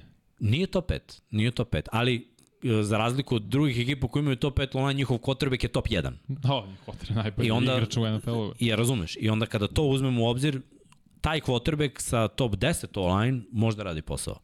Jer oni ne zavise mnogo od trčanja, svi se fokusiraju da se odalje zbog Mahomesa i onda on pomogne trčanju. I taj online može da funkcioniše. Imaju dobrog centra i garda. Da, i, i, oni- i, gledaj, imaju dobre teklove. Znači sad, sad što je došao Donovan Smith, mislim da, da je dosta doprineo. On će biti Ima je loše se on prošle godine, možda zbog povreda, ali okej. dobro igrao s nepokretnim quarterbackom. Istina. stavi ga na stranu koja je bolja i sa Mahomesom koji, mislim, gledaj, Njima taj dizajn akcija, i brate. levi i desni Imaju. gardi njihov koji su draftili 2021. Ali, ok, D-line D-line je mlad, u obnovi je sad. linebackeri su odlični, Bolton i Gabe. DB-evi su mladi. I, pazi, prošle godine, mislim, osim file ofanzivno, i eventualno, bilo je par utakmica gde su njima ekipe parirale, ali to je samo par utakmica, čoveč, oni i dalje drže visok nivo. Rekao bih, znaš, DC? Spanula? Hm? Kako da, da, di si, Na njegov je Spagnuolo. najjači. Da, da. Ma šta ga briga? Dovoljno je, brate. Dovoljno je da oni opet budu, oni su manje ja više moram opet kao prvi sit. 49ers isto. Isto to. Mislim, kad pogledaš, najbolji možda front seven, kombinacija i defensivne linije i linebackera. O-line je dobar, dobar sistem što si ti rekao, možda se malo rasvalja, ali sistem fenomenalan. Skill pozicije, što se tiče ofenzivno, to je najbolje bilo koga kad pogledaš i McCaffrey i Dibo i, i George Kittle i Jušče, kako se zove drugi hvatač, Ajuk. To je Mhm. baš, baš, možda najbolji. Mislim, meni oni imaju ofenzivno najbolji skill. Da, samo quarterback je njima pitanje. To je, da. Sa, sa quarterbackom to je ovaj, druga priča. Njih bi stavio na broj 2, ali Jetsi? ne, ne dokazano je su više, ne mogu. Nemam Šta? uzorak, nemam uzorak. Uh, sve. Pa, Ali sve to, ali sve to, pa, Odbrana je vrhunska. Na svim nivoima. donekle. Donekle. Bilo je ekipa koji Ali dobro, to sve je povezano, jer su bili sve vreme stavljeni u situaciju da moraju se brane celu tekmu. Zato ti kažem, ne mogu da, ne, ne mogu da garantujem. Bilo je tu nekih ekipa koji su ih dobile sa velikim brojem postignutih poena, tu istu odbranu. Ali zato što napad je bio nesposoban i onda odbrana sve vreme u crvenoj zoni na svojoj polovini. I onda kako, šta ćeš da im kažeš? Kao vi ste krivi. Ne mogu da odmore, bre, ljudi, To, kisonik da im staviš sa strane. Ali moramo da vidimo, znaš, moramo da vidimo i tog Rodgersa, moramo da vidimo igru trčanjem, ona nije elitna, nemaju elitnog beka, nemaju quarterbacka koji može da trči više. Pa, znaš kako, Miami je u sličnoj situaciji kao 49ers. Mislim, isto odbrana je na sve strane. Miami mi je bolja priča od. Jetsa, kad pogledaš papir. Oni su samo po znakom pitanja zbog quarterbacka koji ne može da ostane zdrav. Tako je. Što je ista priča za San Francisco. Znači, si to je neki sam tebe. copy-paste sistem, jer je trener i bio tamo, ali Samo imaju quarterback bolji po znaku pitanja. nego San Francisco. Hm? Imaju bolji secondary nego San Francisco. Imaju. Možda ne toliko dobar front Imaju. seven. imaju po meni eksplozivni skill.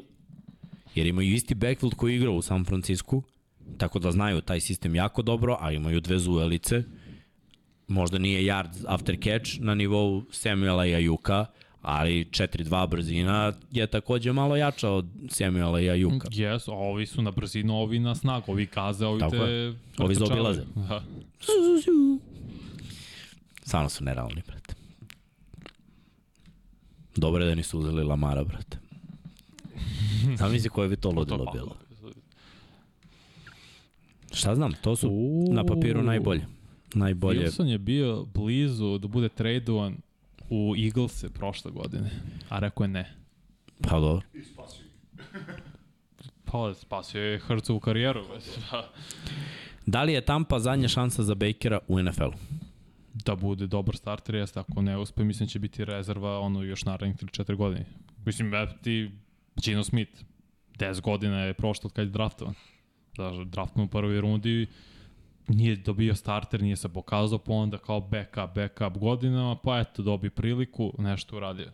Tako, ono, ne bi me da tako bude i za Baker, samo mora da promeni e, ponašanje i karakter njegov, jer je Gino postao skroman, I bio fazon, ok, bit ću backup, sedeću, učiću, neću praviti probleme ni bilo šta. Baker je prvi pik na draftu, osvajač Heismanove nagrade, ima stav, ima karakter, na- ima određenu narav. Da on može da bude backup i da se podredi timu kompletno? Sigurno. Da. Važi što će on da se podredi. Ima da ode drugi tim i da kaže spreman sam da spavam na stadionu i snimam reklame. Koji tim vam je na... Da, to sam, to sam rekao. Imamo ovde jedno... Uh, kakav scenariju zamišljate ako Arizona ima prva dva pika sledeće godine i odluče da im ne trebaju ni Caleb ni May? Pusti malo klimu, brate. Što gasiš, brate? Što je gasiš? Što me teraš, brate? Da Pa gori. da, draft, da traduju prvog pika na draftu ako ne žele quarterback i dobit će dosta, dosta vrata kapitala nazad. A mislim da će ostati na drugoj poziciji. Stavi kačke tamo neki, brate. I uzmi telefon u ruki. Nađi neki crveni, brate. Može. To su više Texansi, ali dobro. Pa, šta da radim, ne. Nemamo. Nemamo, nemamo se. Ovako. Vanja se javlja na telefon. Da, sam GM Arizona, da nekim čudom ne želim Caleb Williamsa, niti Drake Maya, što je totalno suludo, ali ja kažem da želim da zadržim Kyler Mareja. Koji timovi bi draftovali, teli zapravo quarterback, koji im neophodan quarterback. Tampi je neophodan quarterback, ajde odatle krenemo. Možda Ramsima bude neophodan quarterback, mada ne bih, dra, ne bih tradeovo prvog pika na draftu u diviziji nikada. Sigurno. Zašto bi njima davao potencijalnog quarterbacka u budućnosti? Tako je. Kad gledamo AFC, vrlo mali tim. Samo možda Raidersima treba. Ne znam šta je Jimmy G, ne vrem. Kolci, hi, uh, Indi. Mislim da oni neće skakati, Coltsi i Texansi neće skakati Texansi. I imam već pik Texansa, tako da oni nemaju ni draft kapital. Možda. Možda Tennessee isto bude gledao i šta bi tražio za prvo pika na draftu. Šta, si- šta je dobio Chicago sada? Hvatača broj 1, 2 prvo pika i bog oca. Ja tražim 3, 3 pika prve runde. Pa ne, ali zato za generacijski talent to je Znam, tako. nemoj. Trejak si, brate. Ali to, ali dr zadržavam pika broj 2, zato što mi treba generacijski hvatač, a to je Marvin Harrison mlađi. To, to. A liga je takva da ide u tom smeru. Mislim, postoji dobri defanzivni teklovi, što su, mislim da će biti 5-6 dobrih defanzivnih teklova u prvoj rundi, ali ne sada, jer treba napad da se okrene. Možda tekl, ima ih par koji zaslužuju da budu u, razmatranju za top 5, ali mislim da će biti prevelik pritisak i javnosti da draftuje Marvin Harrison mlađeg, mm. sin od bivšeg vrhunskog igrača, Hall of Famera. Samo bi ja pre tradeovo Kylera i do, mogu iza njega dobijem solidan draft kapital nego da, da tradujem prvog pika na draftu. Si. Eto. Ajde sada obrnuto pitanje. Koga vidite kao najgori tim u NFL-u sledeće sezone Arizonu i Houston. I Tampa. na papiru? A jeste, Tampa sad tu s njima. Arizona, Houston i Tampa. A kolci su bolji. Malo. Ma, gde su bolji, nema šanse. Šalim se, eto, i može ih i... I Chicago će da bude slabiji isto. No, ja mislim Tampa. da nije Chicago slabio od Tampa, iskreno. Chicago, Chicago. Chicago pizza. Uh, da li Washington treba da bude rival Arizoni u Tank Bowlu? Da, to mi je bilo prva zamisla kad je Bijene mi dobio posao.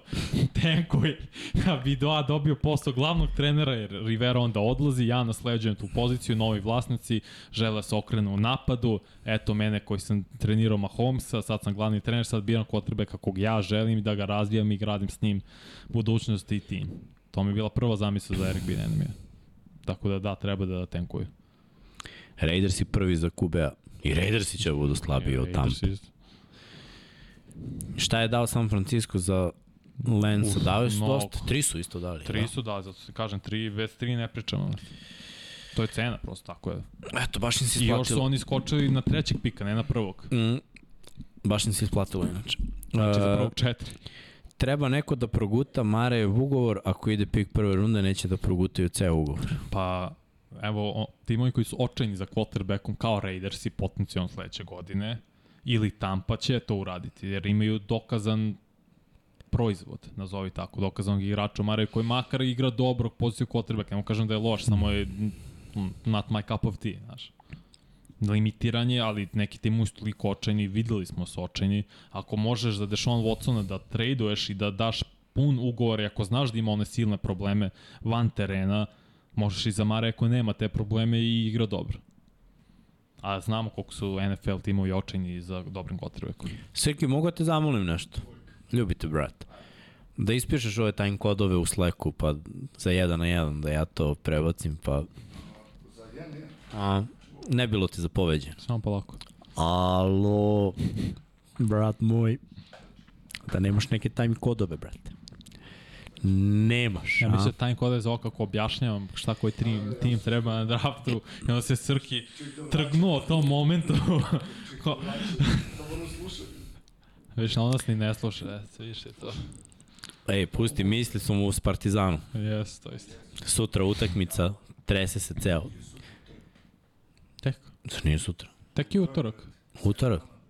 Uf, kako je to ogromna pauza. Bože, Zvezda 23 dana bez utakmice. Zvezda će igrati završnicu KLS, to sam čuo, pa što pametni. Bože, kako glupo, 7 dana pauze između utakmice Euroligi igra na 2 dana, Isuse Hristove. Jesus. Jesus Christ. Uh, vi ste GM Buffalo i ne uđu u Super Bowl, šta biste radili u sledećoj sezoni? Otpuštam. Vanja stavi plavi kačket. Kačke dane. Vanja samo menja kačket, nemamo, nažalost, ali bilo bi fora da imamo i samo to bi... Neka, neka, sad kad se zapalite u studiju. Alpina plava. Alpina slash Buffalo. Dajem otkaz. Daj kadar Srki. Zvrn. Dajem otkaz Sean Pa valjda halo prvo. Nemam halo, pa zovem, zovem ga u kancelariju svoju. Šta je halo? Ne, to, to se radi u oči, oči, oči. Samo dajem otkaz Sean McDermott. Zato što onda treba novi glas u slačionici. Jer do, dolaziš, sa, dolaziš do nekog limita i granice s njim, što je možda bude opet da izgubiš u divizijskoj rundi ili eventualno finale konferencije izgubiš, ali to je limit. Moraš da onda obnoviš ofenzivnu liniju i nađeš novog trenera. Pozoveš Dable da vidiš šta radi, kako je u Giantsima posle dve godine. Neću možda se vrati, ali šal na stranu stvarno bi dao, morao bih da dam McDermottu otkaz. Jer odbrana postaje sve starija. Matt Milano, koliko ima godina? 30 i nešto? Nije bre on toliko mator. Siguran? Ma da bre. Aj pogledaj, moment. Ajde, sad ću. Mislim da Milano, ja kad sam vidio da je Milano mlad, bio sam u Ja mislim da fazonu. je možda 31. Ne znam zašto mi to u glavi. Možda i greši. Poer i Hyde, to znam da je već stari uh, tandem safety-a. Von Miller je sve 28. stari. 28, ja se izvinjam. Ali Poer i Mislim, Hyde to je su mlad, stari. on godinu, igra godinama, Da, delo je, 28. delo je tako. Tako da, znaš, odbrana će trebati da se obnovi, jer najbolji igrači te odbrane, kao što su Von Miller, kao što su tandem safety-a, su sve stariji. U napadu online već moraš da obnoviš, od, počevši od naredne godine, morao si i sad minimalno. Tako da treba ćeš i da platiš hvatača broj 2, čini mi se. To je Davis, kad tad. Tako da, da, biće... Dobro, znaš šta? S Vonom Millerom, da kažemo da ako se sve kockici sklopi, jesu izgubili jesu izgubili jako dobro linebacker, ali može to da, da se... Polako se zatvara prozor, Đole, to je definitivno. Ali ove godina kada mogu da naprave razliku. Iskreno da je bio Von Miller prošle godine zdrav, bilo Druga bi priča. drugačije. Da, sada možda da povira ovog Hopkinsa da nekako vide da, Ja ne, nemaju cap, da ofanzivno to istumbaju i, i da bude to. Ili ove godine ili nikad. Ne, neprocesuiran isto misli da je ova sezona ili nikada i eto, Vanja, nemoj da ovaj razgovor ostavi za sledeći Za off-season. sledeće off-season, naravno. To, ne, to. Nije sad. Dajemo im još godinu dana, ali definitivno i oni imaju jako dobar roster i Mm -hmm. mogu da naprave o, ozbiljan uh, playoff run, znači eto, sve će se svesti u stvari na ono, Cincy, Kansas City i, i Bill se verovatno u AFC u play-offu. Ove druge ekipe mogu da skinu skalp, ima tu par ekipa koji će se boriti, tipa Pa Ravens i Zdravi, Jaguars i ma- Chargers iz prikreka mogu da ono i nešto Dolphins učine. isto. Mi Miami, naravno. Dobro, dobro, dobro. To su stvarno 7 timova već na AFC-u. Brate. Mm.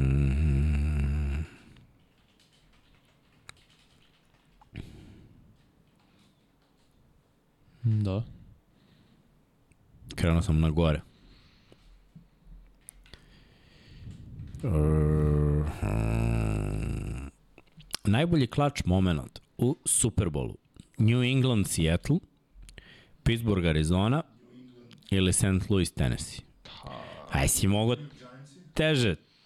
Ne, ne ali ovi, znaš zašto? Zato što su ovi, ovi klač momenti svi su po, poslednje što smo, znači, Čekaj, šta je Tennessee, St. Louis, Music City Miracle, to? To je ne, Ne, što to je je ostao kratak Dyson za ovoliko za touchdown za pobedu. Uh, New, New England Seattle interception, Dobro, a. Pittsburgh Arizona Harrison.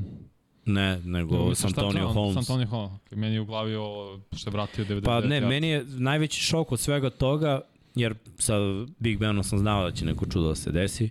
St. Louis Tennessee baš je bilo čudo da, ovaj, mislim, svaka čast da malo da se desi, ali mislim da St. Louis je bio favorit, ali Seattle sam već video da dobija New England.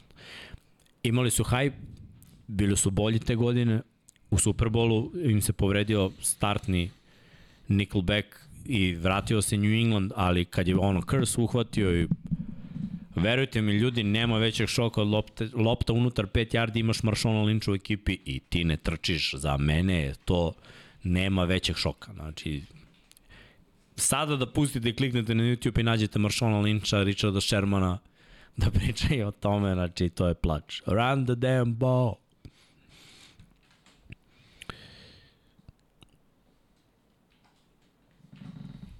Mm-hmm. Miksa u zadnjem napadu u Superbolu, koga stavljaš na poziciju quarterbacka, Denija Dimesa ili Goffa. Zavisi koja je akcija, ako treba da doda Goff, ako treba play action, da doda ili da trči, Deni. Došto sam setio i Donaldova reakcija kad je zaustavio Barova, poslednji drive, poslednja akcija Bengals i to je bilo baš klač, jer je Ramsey ispao. Jeste, ali nije bilo toliko šokantno, brate, koliko interception na liniju od jednog jarda dok ti beast mode. Da, da, okej, okay, da. Brate, ne, ne može da bude luđe od toga. Znači, to je kao, imaš tank i treba da slušiš Gibson i zid i ti kažeš, rukom ću. Mislim, stvarno, brate. Ja i dalje ne verujem šta su, šta su radili. To mi je naj, na, na, prvo najveći šok mi je bio ne od strane egzekucije igrača, nego zašto bi uopšte neko zvao to, pa onda da pređemo na tu igračku stranu. Inače, Seattle bi tu uzao back to back, čoveč, super. Dinastija bi se rodila. I, i o, ostao bi Legionov boom. I Marchon se ne bi razočao. Marchon je puko posle toga. Da, Tako da... Koliko su bre sreće imali ovi Petrioci u, sv u svojoj dinastiji. A, dobro. Mm -hmm -hmm.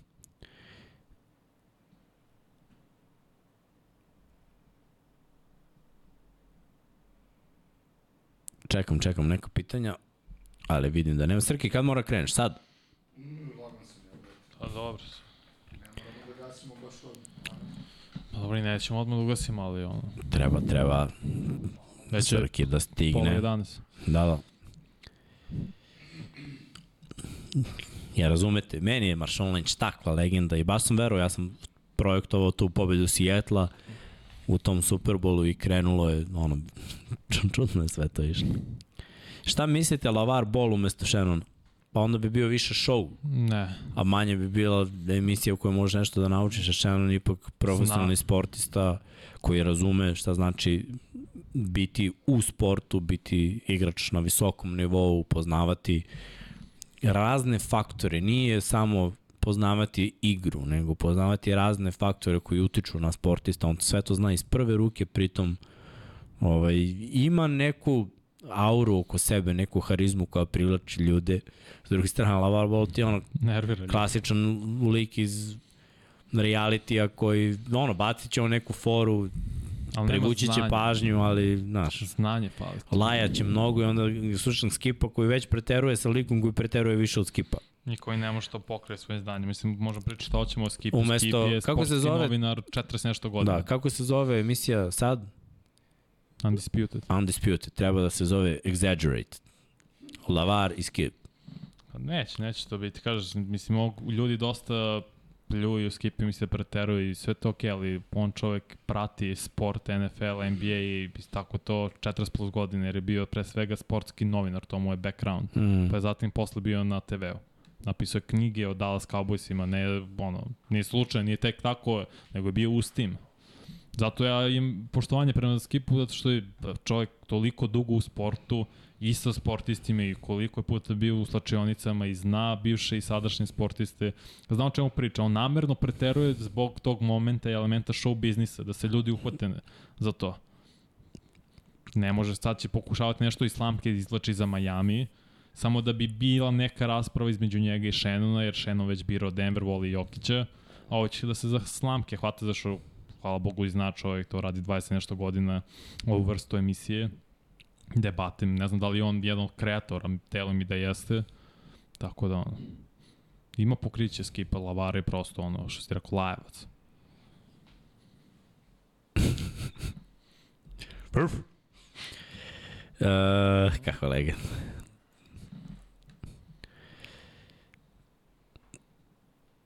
Da, i ova utakmica Chiefs i Billsi.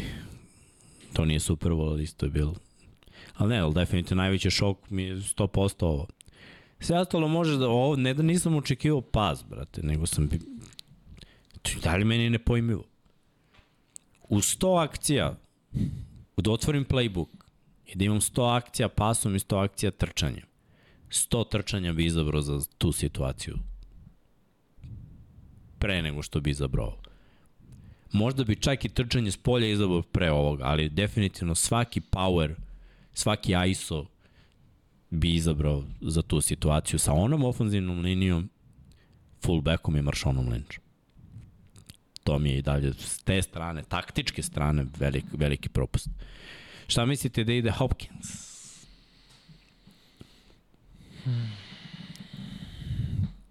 Triložio sam Detroit. Mislim da mi to i sistemski uklapa se u sistem i ima smisla jer oni prangijaju. Tako će dobiti svoje targete, svoje lopte. Ko još s njim bi se tu uklopio da je legitimno playoff tim. Mislim, Dallas može da stvori prostora opet. Možda je smešno što konstantno forsira Dallas, ali oni mogu da naprave kepu dovoljno za njega i opet uklopio bi se u novi sistem Mike McCarthy-a kao ne nužno hvatač broj 1 jer je to CD Lamp sad, ali on blizak, blizu broj 2 hvatač koji može da bude jedan u određenim utakmicama. Bilo bi mnogo teško da timove, ako nemaju dvo, dobra, dobre cornerbackove, da pokriju i njega, i CD-a i Brandon Cooks. I onda Gallup koji trči u glavnom vertikalu. To bi baš činilo napad Dallasa veoma, veoma teškim da se ustavi. Vanja sve u napad. Sve on napad. Ne znam na AFC-u. Pa Mislim- Patriotsi, Da, okej, okay, da. ako smanji platu, Bills i Baltimore. Cleveland, eventualno iz Cleveland, Cleveland, da. Dešona. Šta mislite. Jaguars i Ne, ne. Jaguars ne, oni imaju svoj kor, brate, šta će im... Oni imaju mlade, idu na drugu, na drugu stvar. Šta mislite koji će quarterback da iznenadi ove godine kao što je prošle Gino Smith? Hmm.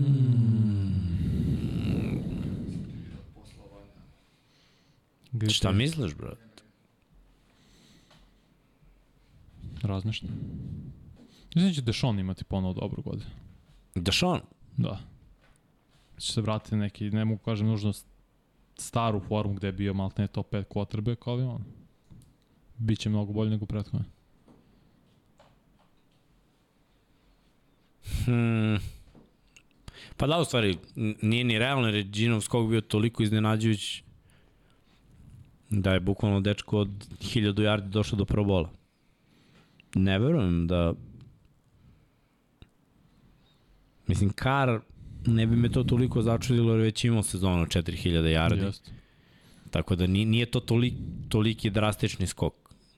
Trebalo bi Baker da je... Trebalo bi baš da bude neko ko je bio na klupi, ko je se borio da postane starter par godina, pa kao bap, evo ga sad. Znači tako neko kao, kao što je Baker. Da bi bilo na nivou ovoga što je radio Gino. Čak nije ni Jimmy G jer je on dok igrao za ekipu, ekipa bila playoff, znači Justin Fields. kao, da, dobro, ajde. Jer je mlad, pa može, mo, može. Ali ovo što je Gino radio veteran i godinama Pa to ništa on i se onda neće ponoviti. Možda no, samo kažem Justin Fields u smislu, ok, mučio se sa dodavanjem loš procent ima, pa sad, ne znam, ima približno 4000 yardi i 62-3% kompletiranih svojih dodavanja. Ako bi Russell imao, to su dve loše godine, pa Možda, a opet Russell je bio ovaj, vrhunski quarterback. jest. Bio je. Vrhunski. Nikad nije Gino bio on. Nije da. Ajde da ne poredimo samo ko bi mogo sledeće godine da bude igrač comeback player. Evo to bio, Gino. Jeste. They wrote me off, but I Ko bi mogao da bude, ko bi mogao da bude Pa Baker. Baker, a? Baker bi mogao. Dobro. Što najgore mogo bi Rodgers da bude. Jako ću mi iskreno. Pa igrao je prošlu sezonu, što bi bio pa ne, comeback. Igrao je loše, pa kao. Iz čega se vratio? Iz Green Bay.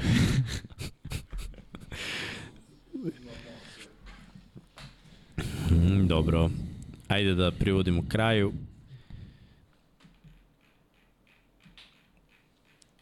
Da vidimo, da vidimo, da vidimo. Da, pa to bi bilo to. Hvala ljudi što ste ispratili ovaj podcast. Prošli smo ceo raspored NFC-a, dali neke naše projekcije tu u dosluhu s vama.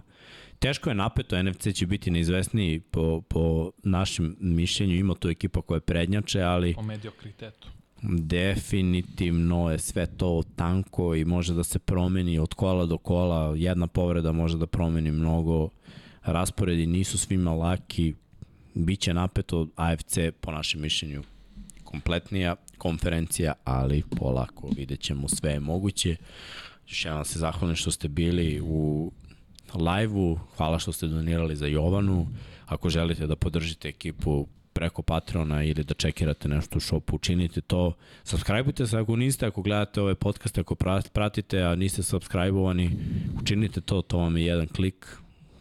Ne oduzima vam mnogo vremena, a nama puno znači. Možemo da kažemo da je sledećih petka možda i nećemo raditi 99 yardi, jer ja idem na odmora, ekipa toliko ovaj, ostatak ekipe nije toliko redovan da Vanja ovde solo da bude da, i da bude bi imalo GM. Može sad vremena, vi postavite pitanje svaki tim, ja ću vam reći o, o narednog drafta, pa nadalje šta bih radio. Uh, GM time sa Vanjom. Da, Odgovori Vidjet na sva vaše pitanja i da. Što se tiče 1 na 1, rekli smo već u ponedeljak radimo i onda posle toga ćemo vidjeti kako serija bude išla, pa Pa četvrtak. da, da vidimo Kad si Vanja. i ja. uključen Zoom, da. Pa da, moramo vidimo da i to vremenska razlika da se Mm. uklopi i to. Tri sata razlika, ali opet zavisi Znači, kada to dolaziš. ako je- i to. Ovde 6, tamo je 9. Pa da. E, E, voleo bi da znaš, a? Pa nije Egipat, tri sata razlike. Ljubite, bra. Come on, pretty mom. Nije, nije. Idem na istok. Da.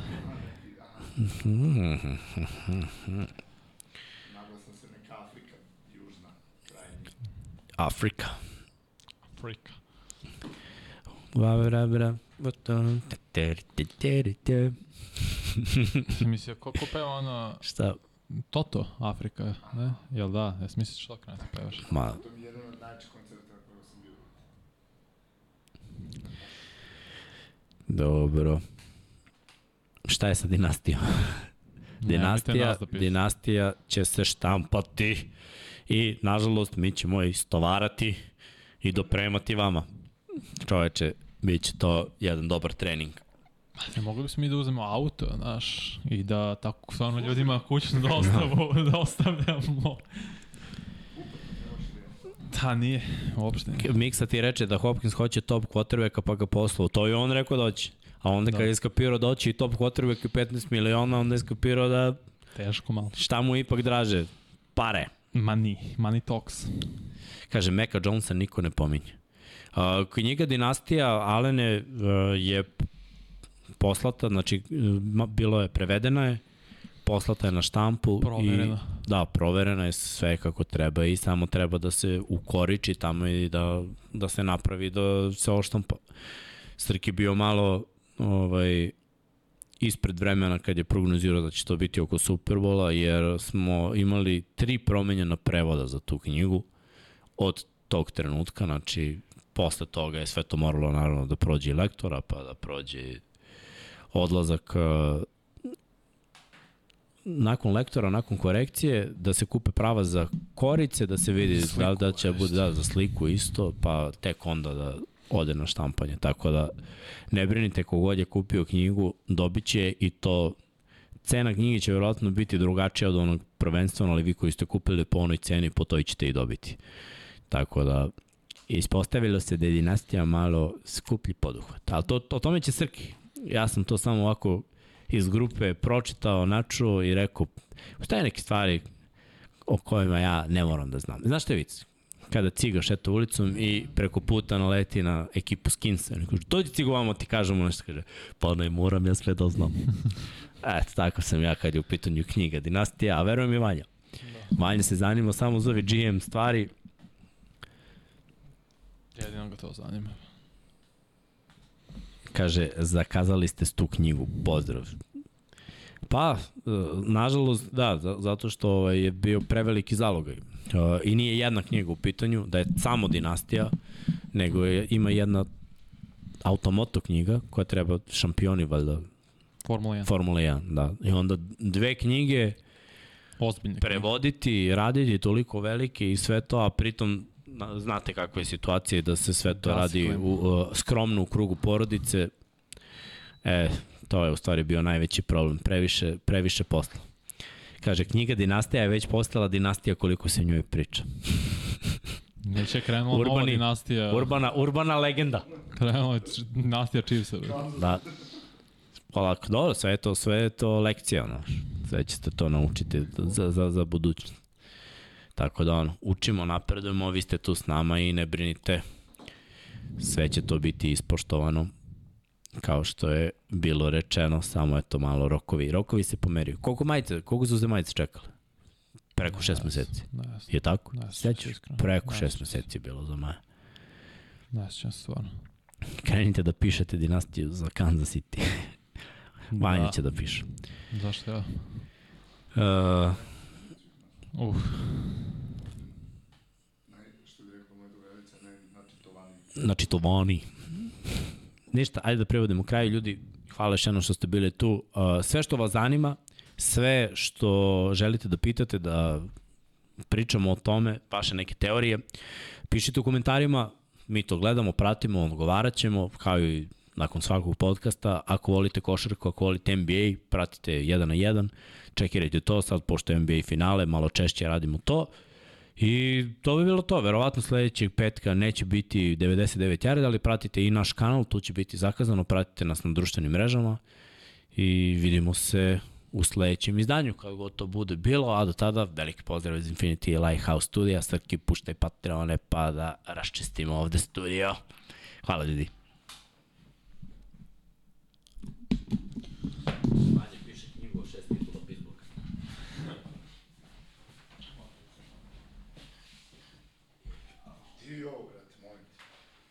What?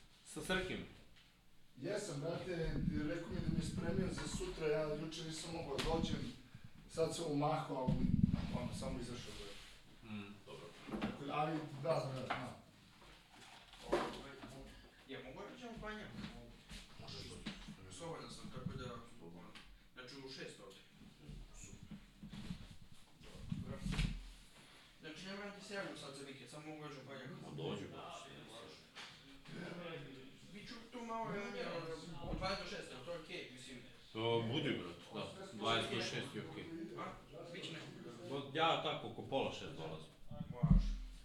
Da, baš ne upada. Ovako kasno.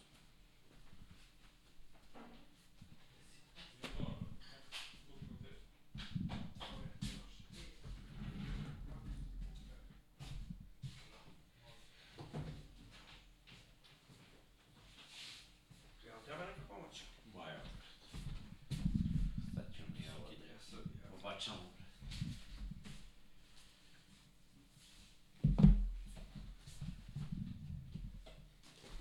A ideš, Mica? Hm? Gdje ideš? Na Maldive. Aha, lepo, strano. Ja se nadam da će bude lepo. Neće da me fati neki monsun.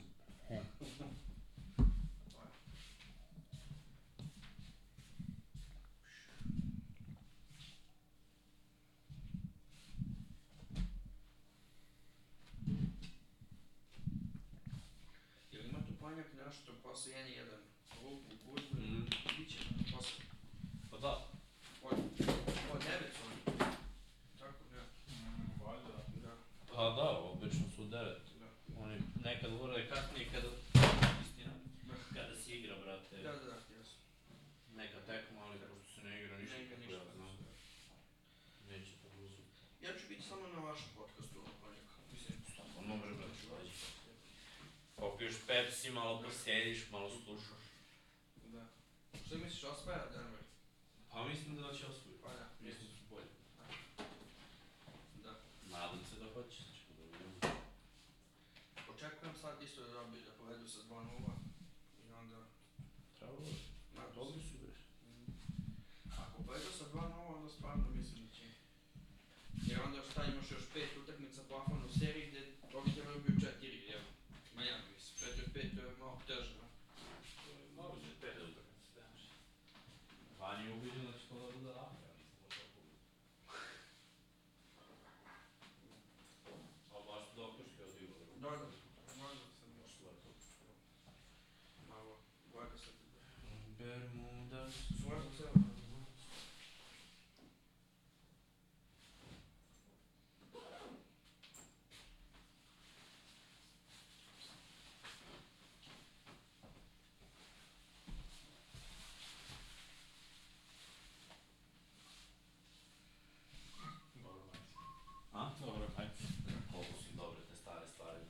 set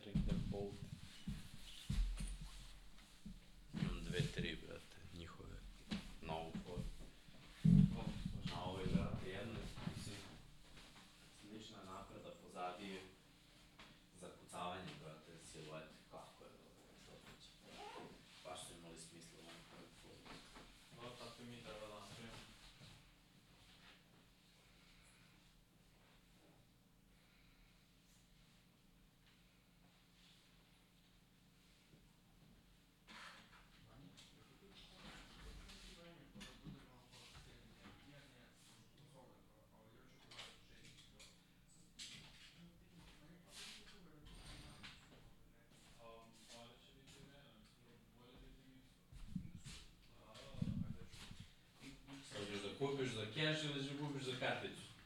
Uh, za cash. Onda mogu ja. Aha, znači, Iskreno Irena mi je pokazala kako radi ove para za karticu, ali... aha, za cash u, u, pranjak, znači mogu to. A? U pranjak. A, baš. Šta bi uzao? Pa majicu Lap 76, početak, to još nemam, nešto kraca, to rekao sam meni, prošle godine ću gubiti, još nisam gubio, ali ću gubiti, ne, stvarno, onako, uh, uzet ću više onako po, po neku, od svaki put da gledam, a poslije ću i ove druge. Vidio sam. S koga već ti navijaš? E, uh, u NFL-u, Aha. E, ni za koga, nešto, mislim, volim sve ekipe sa nama i Washington, ne znam zašto. Volim Washington, Wizards u NBA-u, ali u NFL-u baš ne volim. Ne volim. I bio sam tužan što mi je otišao Brixet koga volim baš u Washington, iskreno. Ali, ajde kažem, mama, volim Hakim, Hakim, Niners, ajde. Jedan tim ovako, malo izdvoji. Je, jedna druga sam sve u kraju, to si ti možda po sporku, ona me za Baltimore. Mislim, dobro mi drugi, no, znam, ne znam ovaj da volim NFL za boju koga navijek, za Baltimore, ako se zaboravim ko jest. Evo, rekao, Ja, mrtvo, malo brate. Ništa neće. Vidiš što smo skapali, brate, juče. S Lego, brate. Wow. Svaka čast. Bravo. Kako smo zezali Srkija, brate. Ja sve delove podvojim, znaš, ali znam, a on, brate, sve ih razvu, brate. Ostali su mi neki delove viška, ja,